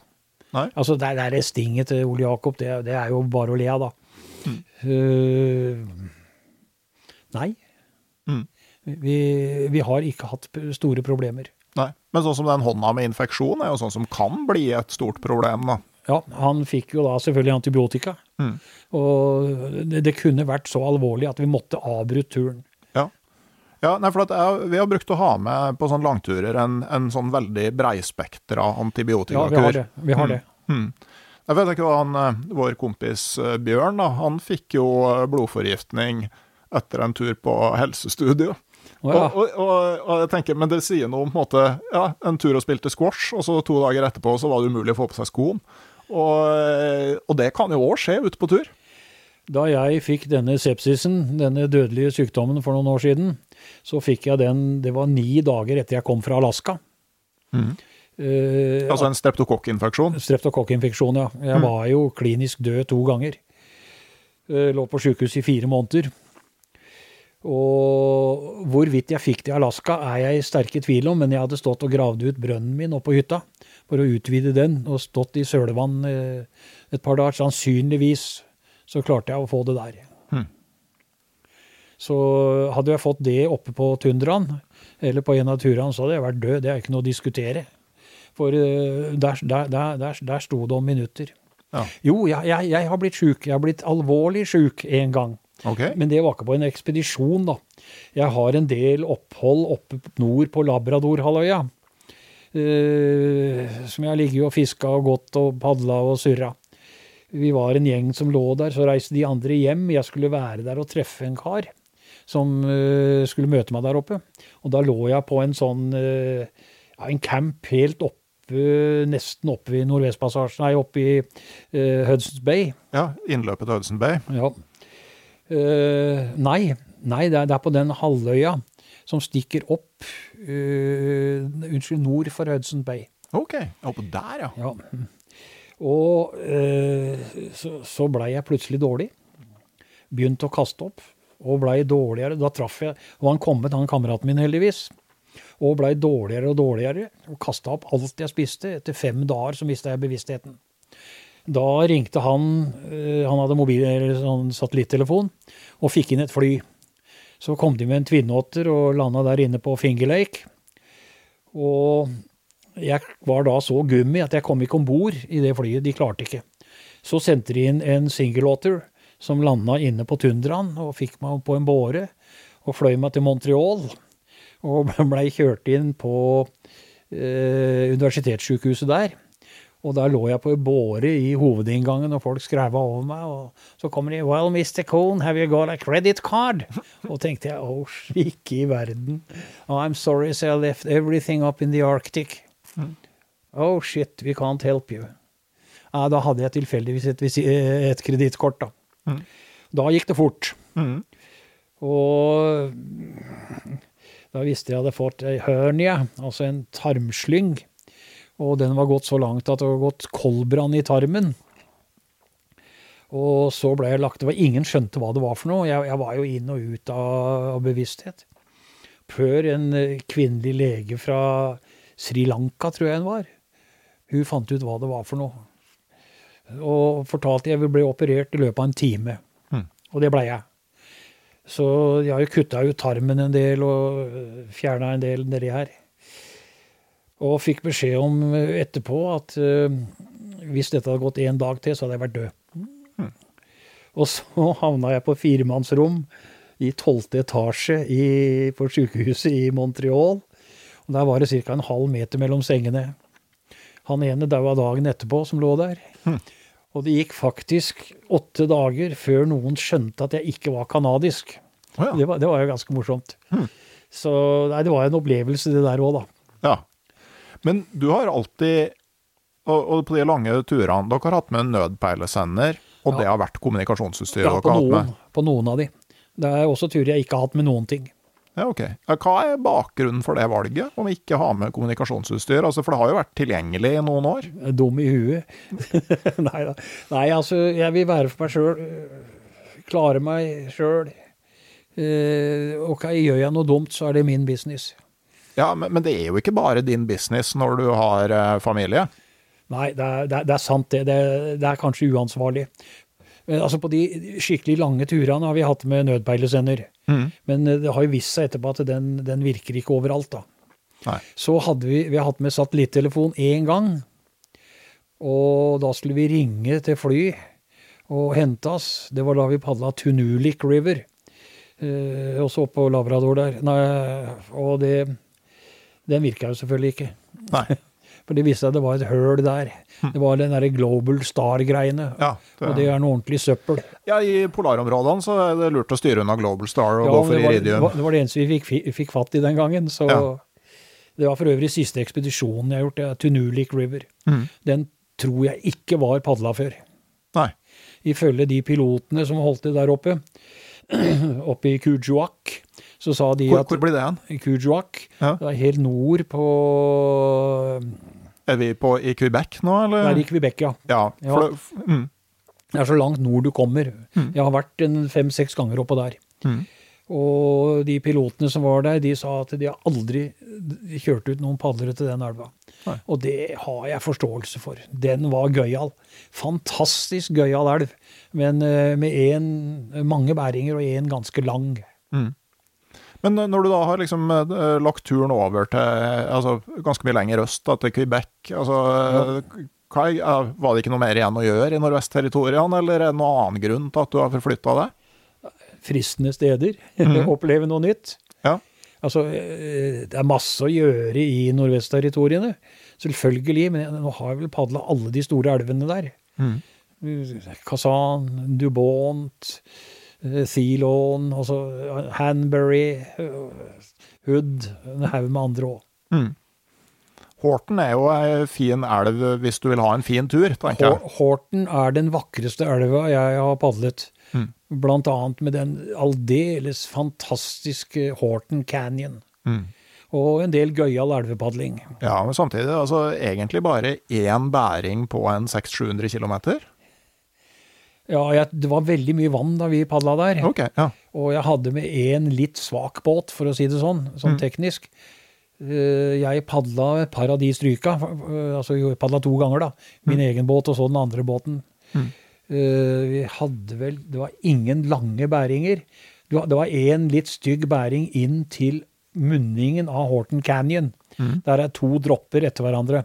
Ja. de bar vi forbi. Jeg hadde nok padla de hadde jeg vært aleine, men øh, det var en bæring på 100 meter. Ja, for det er det korte bæringer, og, og, og så er det utrolig fart i elva. Vi satt liksom utpå der og eh, så liksom ja, nå sitter vi bare og øner her, og det går i 7 kilometer i timen. Så begynte vi liksom å tenke ja, hvis vi sitter sånn i fire døgn, så er vi nede.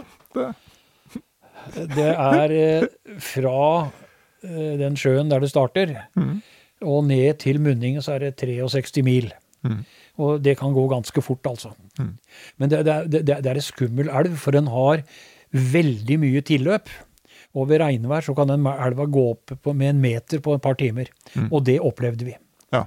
Og så du har et par ting nedover der, annet Smoking Hills. Det, er, eh, det ryker av fjellet der. Og vi trodde det var vulkansk, men det, det er jo ikke i det hele tatt. Det er noen sånn Det er, det er svovelforbindelse og brunkull i, i, i fjellet. Masse sånne opplevelser nedover. Og så er siste delen av elva ekstremt møkkete. Du stikker handa ned i og ser ikke fingrene. Nei. Altså det, Det- det, er- det som eh, de sier i Alaska, silty water. Ja. Altså den drar med seg så mye elementer. Annet sot og vulkanske, eller ikke vulkanske, og, og, og sånn brente sedimenter og alt mulig. Altså, det var jo faktisk det å tenke på vannforsyning. Det skulle du ikke tro var noe eh, når du padler i villmarkselv i Canada, at du må tenke på hvor du skal få tak i vann, men eh, det er jo faktisk en eh, greie der. Ja, vi drakk det, vi. Mm. Ja, ok. Det, nei, vi samla fra sidebacker. Ja, stort sett der det var mulig, så gjorde vi det. Mens du var inne på det, i Alaska kan de jo veldig mange steder ikke drikke vann i det hele tatt. Nei, for der har du en parasitt, giardia. Giardia lamblia, som er noe ordentlig styggedom. Og får du den, da, da kan løpet være kjørt, hvis du er lenge ute. Mm. Men den tørker ut kroppen, Ja. og den spres med bevermøkka. Mm. Og det var jo det samme som infiserte vannet i, i Bergen I for et par år siden. Ja. Det var en Giardia. Mm. Og den er på vei fra Russland, fortelles det. Altså, Georgia er ikke oppdaget i norske vassdrag ennå. Men eh, hos skrekk og gru hvis den kommer. ja. Eh, I Alaska så er det et problem. Så altså, du får vannfilter og vannrensere, som vi har hatt med noen ganger. De går som regel i stykker etter noen dager. mm. Eh, Så må vi koke vann. Mm. Så gjorde vi en Det var vel da vi padla Kanektok, blant annet. Da bare, g- og, og Anjak. Da grov vi et høl inne på stranda i sanda en sånn meter fra vannet, og så lot det filtrere seg naturlig. Det, det fungerte fint. ja. ja, for det er klart, altså, det, det her er jo en, en amøbe, sånn at Ja. det, det er ganske stort. Sånn at det er liksom ikke et virus du skal bli kvitt, det er en Nei, ganske nei. stor organisme. Nei, og det er ikke noe, det er ikke noe sånn mikrobe. Det, det er en amøbe, som du sier. Det er en Stygg sak. Ja. Eh, Det å få altså, når du planlegger medisiner, så er jo Jeg mener om det Jeg husker ikke akkurat hvilket medikament det er. Jeg har et minne om at det var flagyl eller noe sånt. Men det, Det det har vi hatt med, ja. Ja, eh, ikke ta meg på ordet uten å sjekke det, men det, det kan være noe å tenke på når man skal til Alaska og, og ha noe som kan eh, gjøre noe med giardia. Ja, så kan du jo selvfølgelig koke vannet. Mm. Men, men det er jo ikke sånn at Det skal jo Du kan jo få det i deg på et eller annet vis. eh, Sånn sjøl om du prøver å være nøye. Så Hvis vi snakker om sånt nå, noe som jeg har vært veldig nøye med Alle skal til tannlegen før de reiser, og, og sjekke perleraden. Så ikke du får noen problemer der ute. Det har vi hatt én gang, og det var meg. ja. Til tross, til tross for jeg var hos tannlegen dagen før jeg dro, så fikk jeg på en av elvene Var det Kanektok, tru, eller hva var det for noe? Det tror jeg det var. Så fikk jeg en forferdelig tannverk. Mm. Men der har vi også må, med medisiner som kan ta det, altså. Altså, altså betennelsesdempende. Jeg, jeg, jeg trodde jeg var i ferd med å få tannverk på den ene turen. Jeg satt ute og kjente det virkelig dro til på sida. Men det visste jeg at det var faktisk bare solbrillene. Ja, ja. Nei, den, den tannverken jeg fikk, var helt akutt. Og så heiv jeg inn på noe sånn betennelsesdempende, og døgnet etterpå så var det vekk, og siden har jeg ikke hatt problemer. Altså, Ja. jeg, jeg skjønner ikke hva det var for noe, for jeg var hos tannlegen da jeg kom hjem, og han fant ingenting. Nei, det er jo eh, spesielt. Men det var, det var dyrisk vondt. Ja. Eh, Men eh, jeg tenker sånn, du du har, det er jo nå 40 år omtrent da, siden første Alaska-turen din Ja. til neste år. Altså, øh, har du noen tanker om måte, altså, hvordan har de områdene, sånn Alaska og Nord-Canada, utvikla seg? Altså, har du sett noen forskjell i de årene du har vært der? Enormt. Ja, Hvordan da? Nei, altså For det første så er jo alt mer befolka. Og så det andre er at eh, flyet har krympa verden. Jeg leste en statistikk om i Alaska at hver tiende voksne innbyggere har småflysertifikat. Og eh, det fins bare ett fly per 300 innbyggere eller noe sånt. Det, det, det er helt vilt. Hm. Har, har, du vært i Anchorage? Aldri. Aldri vært i Alaska i hele tatt. Oi, jøye meg, du aner ikke hva du har gått glipp av. Hm. Altså, An An Anchorage er jo en merkelig by, og den har verdens største småflyhavn, altså sjøfly. Og det er, det er, hundrevis som putrer opp og ned der. Jeg, jeg tror det var 1500 avganger i døgnet sånn opp og ned der. Og det, dette har krympet uh, villmarka. Den er gjort mer tilgjengelig. Folk har mer penger. De har råd til å ta seg ut og ta seg tilbake. For de aller fleste som skal ut i villmarka, de blir flydd ut, og så ligger de der, og så blir de flydd hjem igjen. Mm. Det er masse private uh, småfly. Folk tar seg ut. Og det har vært en enorm forskjell de, de siste åra. Så villmarka er mindre vill?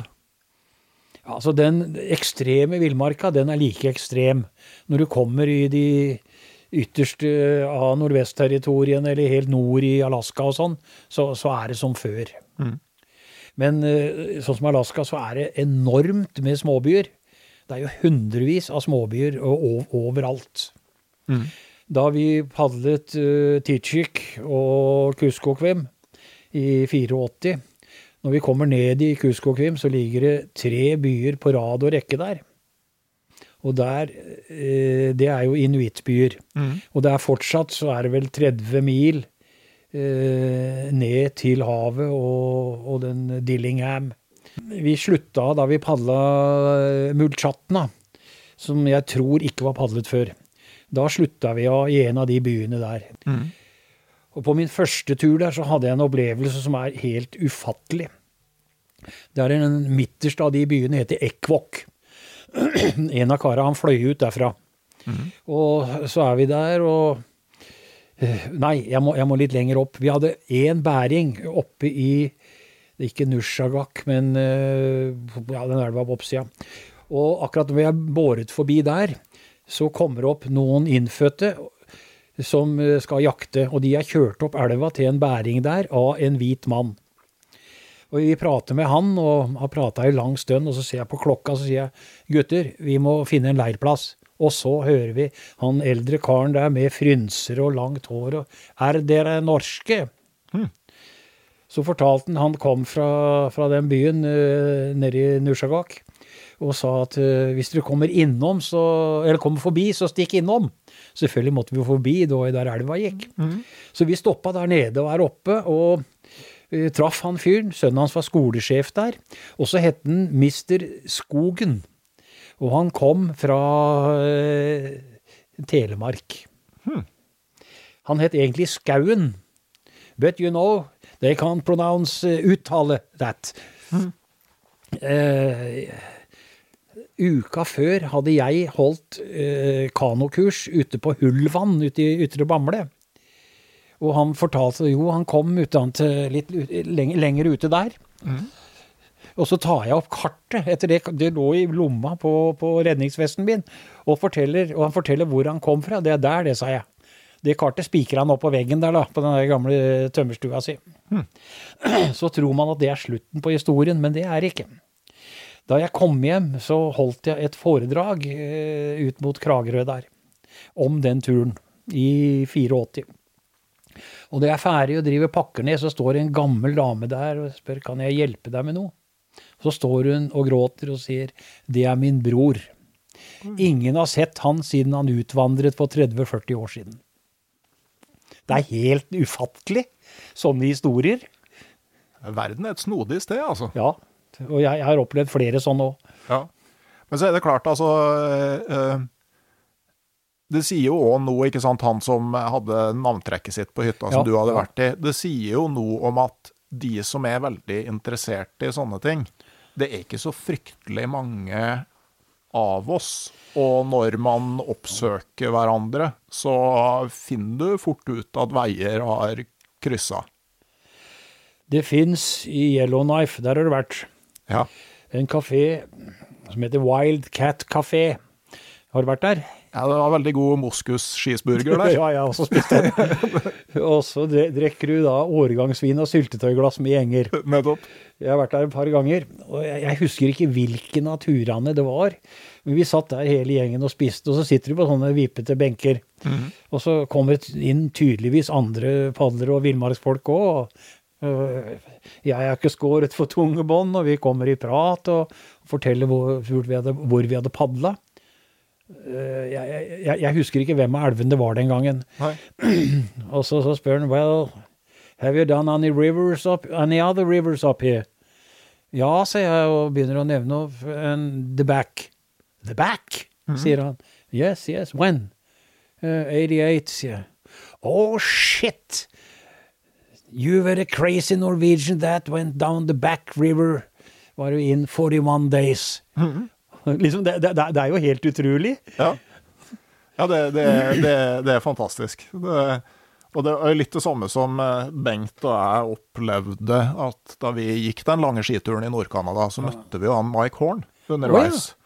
Som var på vei jorda rundt langs polarsirkelen. Og så opplever jo da Bengt, når Børge Ausland og Mike Horn har gått over Polhavet gjennom vinteren, da, så er det da Bengt og Alexander Gamme som går ut fra Lanse og møter dem oppi der Fint fyr, han Alexander. har ikke sett hverandre på de ja, nesten 20 år imellom, da. Så det, det er liksom eh, det, Livet har noen, eh, noen sånne vendinger. Eh, Men eh, altså, når du, når du ser tilbake nå, Øystein, altså, sånn, hva er det sånn Hva har de turene her gitt deg? Hva, er, hva har de gjort med det? Hvordan hadde du vært hvis du ikke hadde gjort det? Øystein hadde jeg vært. Nei, det var dumt sagt. Nei, altså, jeg har fått en enorm respekt for naturen. Og for den kloden vi lever på. Og en redsel for hva vi gjør med den. Hvordan vi ødelegger den eh, ømfintlige naturen. Det, det er skremmende å se hva de måler i, vannene eh, helt oppe i de største ødemarksområdene i verden. Det er, det er eh, Jeg tror vi er den siste generasjonen som kan gjøre dette vi gjør. Dessverre. Og jeg har jo også skjønt hvor ømtålig livet er, da. Hvor lite det skal til før det bikker over. Ja. Og jeg, jeg, jeg er glad i livet. Jeg er glad i å oppleve noe. Eh, selvfølgelig, jeg har jo levd av dette i mange år med mine foredrag og skriverier og greier. Det er jo én ting. Men eh, folk sier ja, du skriver og gjør vel mye når du er ute. Nei, sier jeg, hakker har ikke med en kulepenn, jeg gjør ingenting. Jeg skal gjennomføre turen, jeg skal oppleve den. Jeg tar masse bilder fordi jeg er glad i å fotografere. Det er jo et kapittel for seg i den tiden vi brukte filmruller, da. Ja. Hadde gjerne med 100. 36 bilders. Ja. Og det er det primære, det er opplevelsen. Og når jeg kommer hjem og ser bildene, så ser jeg hva jeg får ut av det. Ja. Og så har jeg, jeg har veldig god hukommelse. Ja, du skriver ikke dagbok altså på døra? Nei. Men det, det er andre som har gjort det. Ja. Men uh, jeg har aldri skrevet dagbok. Jeg har begynt med det, men jeg har ikke klart å gjennomføre det. Jeg er for surrete. Ja. Men uh, hva gjør eh, Øystein Køhn i dag, da? Blir det noe eh, mer enn noen drømmer du fortsatt har igjen? Ja. Jeg har én elv som jeg har lyst til å padle. Det er langt. Det er nord for Brooks Range. Men jeg kom vel neppe til å kunne klare det. Denne sepsisen som jeg fikk for noen år siden, har eh, nedsatt bevegeligheten min. Jeg har store smerter og sliter med å gå. Jeg skal innrømme jeg har vært i Alaska og fotografert grizzlybjørner tre ganger etterpå. Men eh, de store ekspedisjonenes tid tror jeg er forbi. Jeg er fysisk i relativt god form, jeg trener mye. Men eh, at jeg ikke kan gå ordentlig, det, det er et drawback, for å si det rett ut. Ja, det, det er jo åpenbart at det gjør bæringene litt vanskeligere. De gjør det umulig.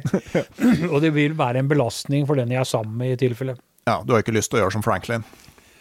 Nei, det, han er vel der oppe enda. Ja, han er jo det. Han er det. Men eh, hvis, vi nå, hvis vi avrunder, da, Øystein, så passer jo da fint det siste jeg spør gjesten om i hver episode. Det er jo eh, når, det, når det her blir lagt ut, da, så er vi på slutten av sommeren. Ja. På vei over i høsten. Så hvis du ser for deg en dag seint på sommeren, kanskje i månedsskiftet august-september, så kan du få velge helt fritt på hele kloden hvor ville du vært på en sånn dag, hva ville du gjort? Spørs på været. Du kan sjøl definere været. Ja, altså, i overgangen august-september så har du lite å gjøre i Alaska og Canada. For da har eh, som regel drittværet kommet. Jeg eh, har opplevd det noen ganger. Det er ingen stor opplevelse. Med lave temperaturer og slagregn og, og hard vind. Men nydelige høstfarger, da. Og så eh, Ja, villmarka øst for Store Slavesjø i høstskrud. Det er vakkert. Ja, det er fantastisk. En av de Vi snakket jo om Tundra-Tom her, eh, Ja. vi to innledningsvis. Eh, Det var vel da vi padlet Kasan, så var det Tundra-Tom som fløy oss ut. Og nå aner jeg at det kommer en historie som er verdt å høre.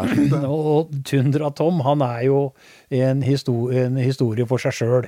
Ja, Han er, eh, som de sier, a character. ja han, eh, vi må jo si var, for han er ikke blant oss lenger. Er Tundra-Tom død? Ja. Oh, shit. Det, det, det visste jeg ikke. Nei, han fikk kreft for eh, en del år siden og døde. Ja, jeg har vært i kontakt, jeg var i kontakt med ham ganske lenge. Mm.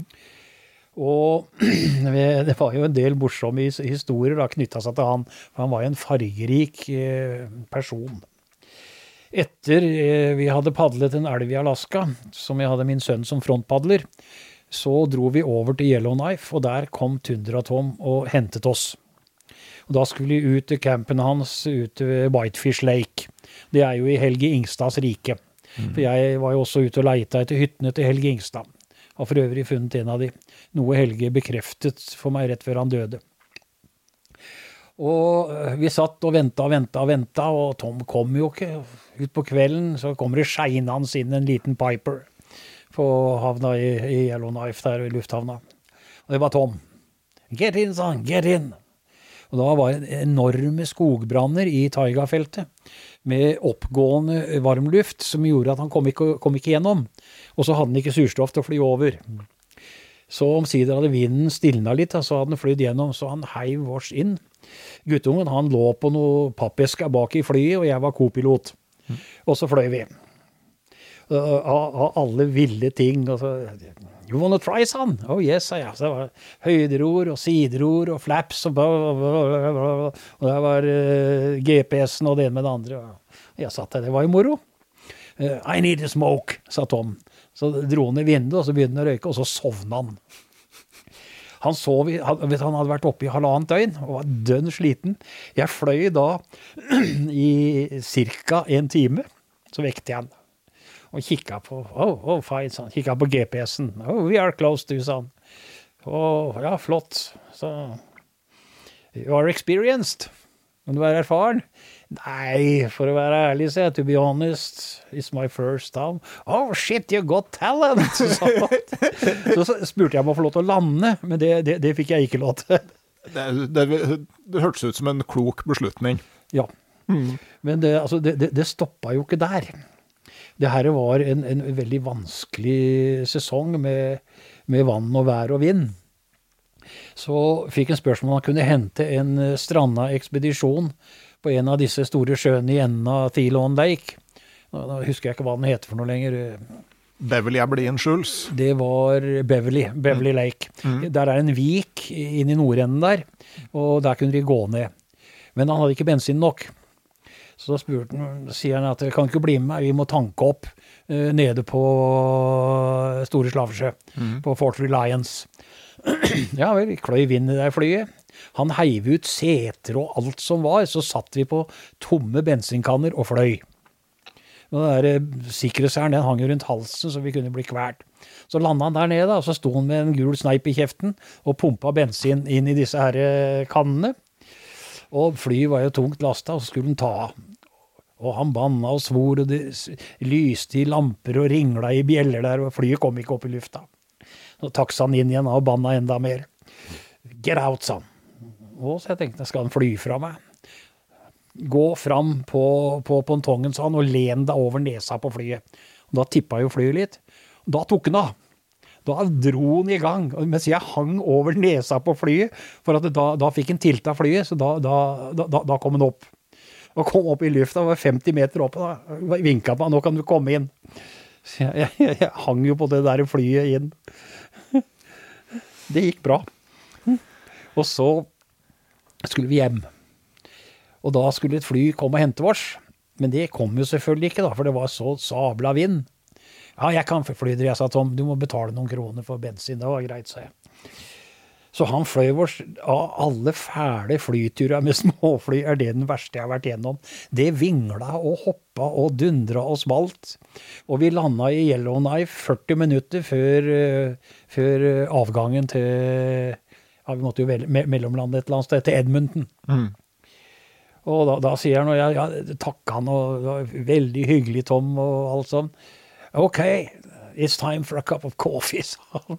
Så da måtte vi bli med bort. Han skulle spandere kaffe på oss i restauranten. Det var 40 minutter til avgangen. And they will wait for you. Ja, det, det er bra. Jeg har jo også nevnt på mine opplevelser med, med Tom, som jeg, jeg venta at han ikke lenger var blant oss, før jeg fortalte om den gangen vi rømte fra The Ministry of Transportation i Lutsjelke.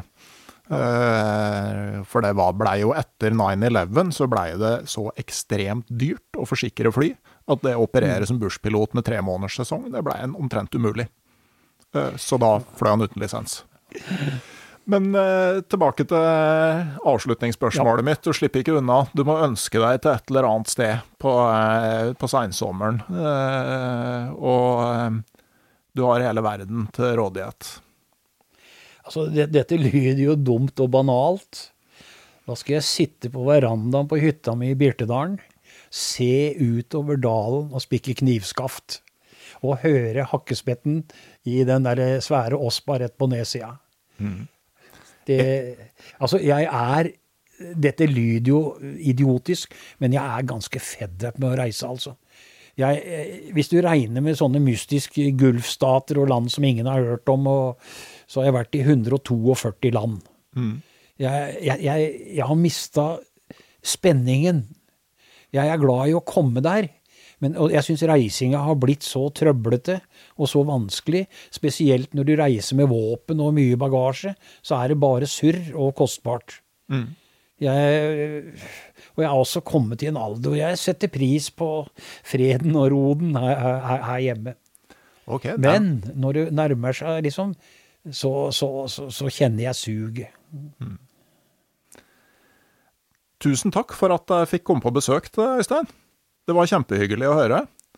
Jeg syns alltid det er å prate med noen som har sammenfallende interesser, og ikke minst vært på mange av de samme stedene. Kjempeartig.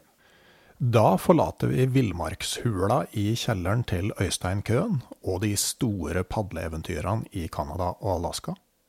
Jeg vet at flere av lytterne har gjennomført sånne turer, og at mange også drømmer om det. Jeg nevner derfor at jeg jobber med ei e-bok om mine egne Canada-turer. Den er tilgjengelig for langturkompiser og ekspedisjonsmakere i det digitale turlaget på Patrion. Dersom du registrerer deg der, får du umiddelbart tilgang til de fem kapitlene som foreløpig er klare. Det er bl.a. historier fra Telon, Horton og Coppermine River, og det er minst fire kapitler til som er planlagt. Som medlem i turlaget på Patrion kan du òg høre eksklusive Patrion-episoder. Du kan lese utstyrstester og annet stoff på randulfvalle.no, og du kan være med og påvirke valg av tema, gjester og spørsmål i podkasten. For å bli med i turlaget på Patrion går du rett og slett inn på patrion.com, patreon.com, eller får tak i Patrion-appen. Så søker du opp podkasten Uteliv og velger medlemsnivå. Eventuelt så kan du følge linken i episodeinfoen. Det her er gjort på noen få minutter, og koster deg nå mellom en kaffekopp og en eh, halvliter øl servert ute månedlig, avhengig av hva slags medlemsnivå du velger. Men da gir du også et viktig bidrag til å holde podkasten Uteliv på lufta. Jeg sender også en takk til min kommersielle partner Barents Outdoor, og tillater meg samtidig å gratulere dem med nylig inngått storkontrakt om teltleveranser til Forsvaret. Vel, det var alt fra meg for denne gang. Men om ei uke kommer en ny episode av podkasten Uteliv. Og til da sier jeg rett og slett ha det bra.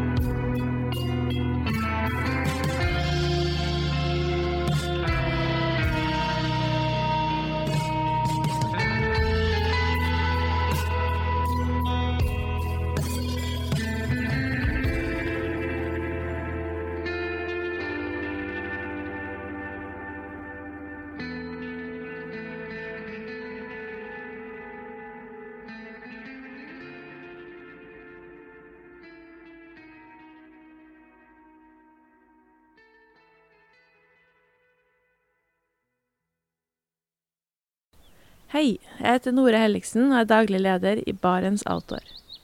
Det beste vi kan gjøre for planeten, er å redusere forbruket vårt og få mer ut av det utstyret vi allerede har.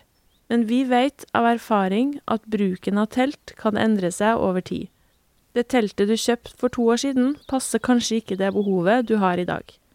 Derfor har vi i Barents etablert en egen panteordning der vi tar imot brukte telt av god kvalitet i innbytte når du kjøper et nytt av oss. Prosessen er enkel. På barentsoutdoor.no gir du oss informasjon om teltet du vil bytte inn. Basert på det får du et tilbud fra oss som gir deg rabatt på ditt neste Barentsprodukt. Mer info og betingelser finner du på barentsoutdoor.no. Og husk at den første reparasjonen på produkter fra Barents er alltid gratis.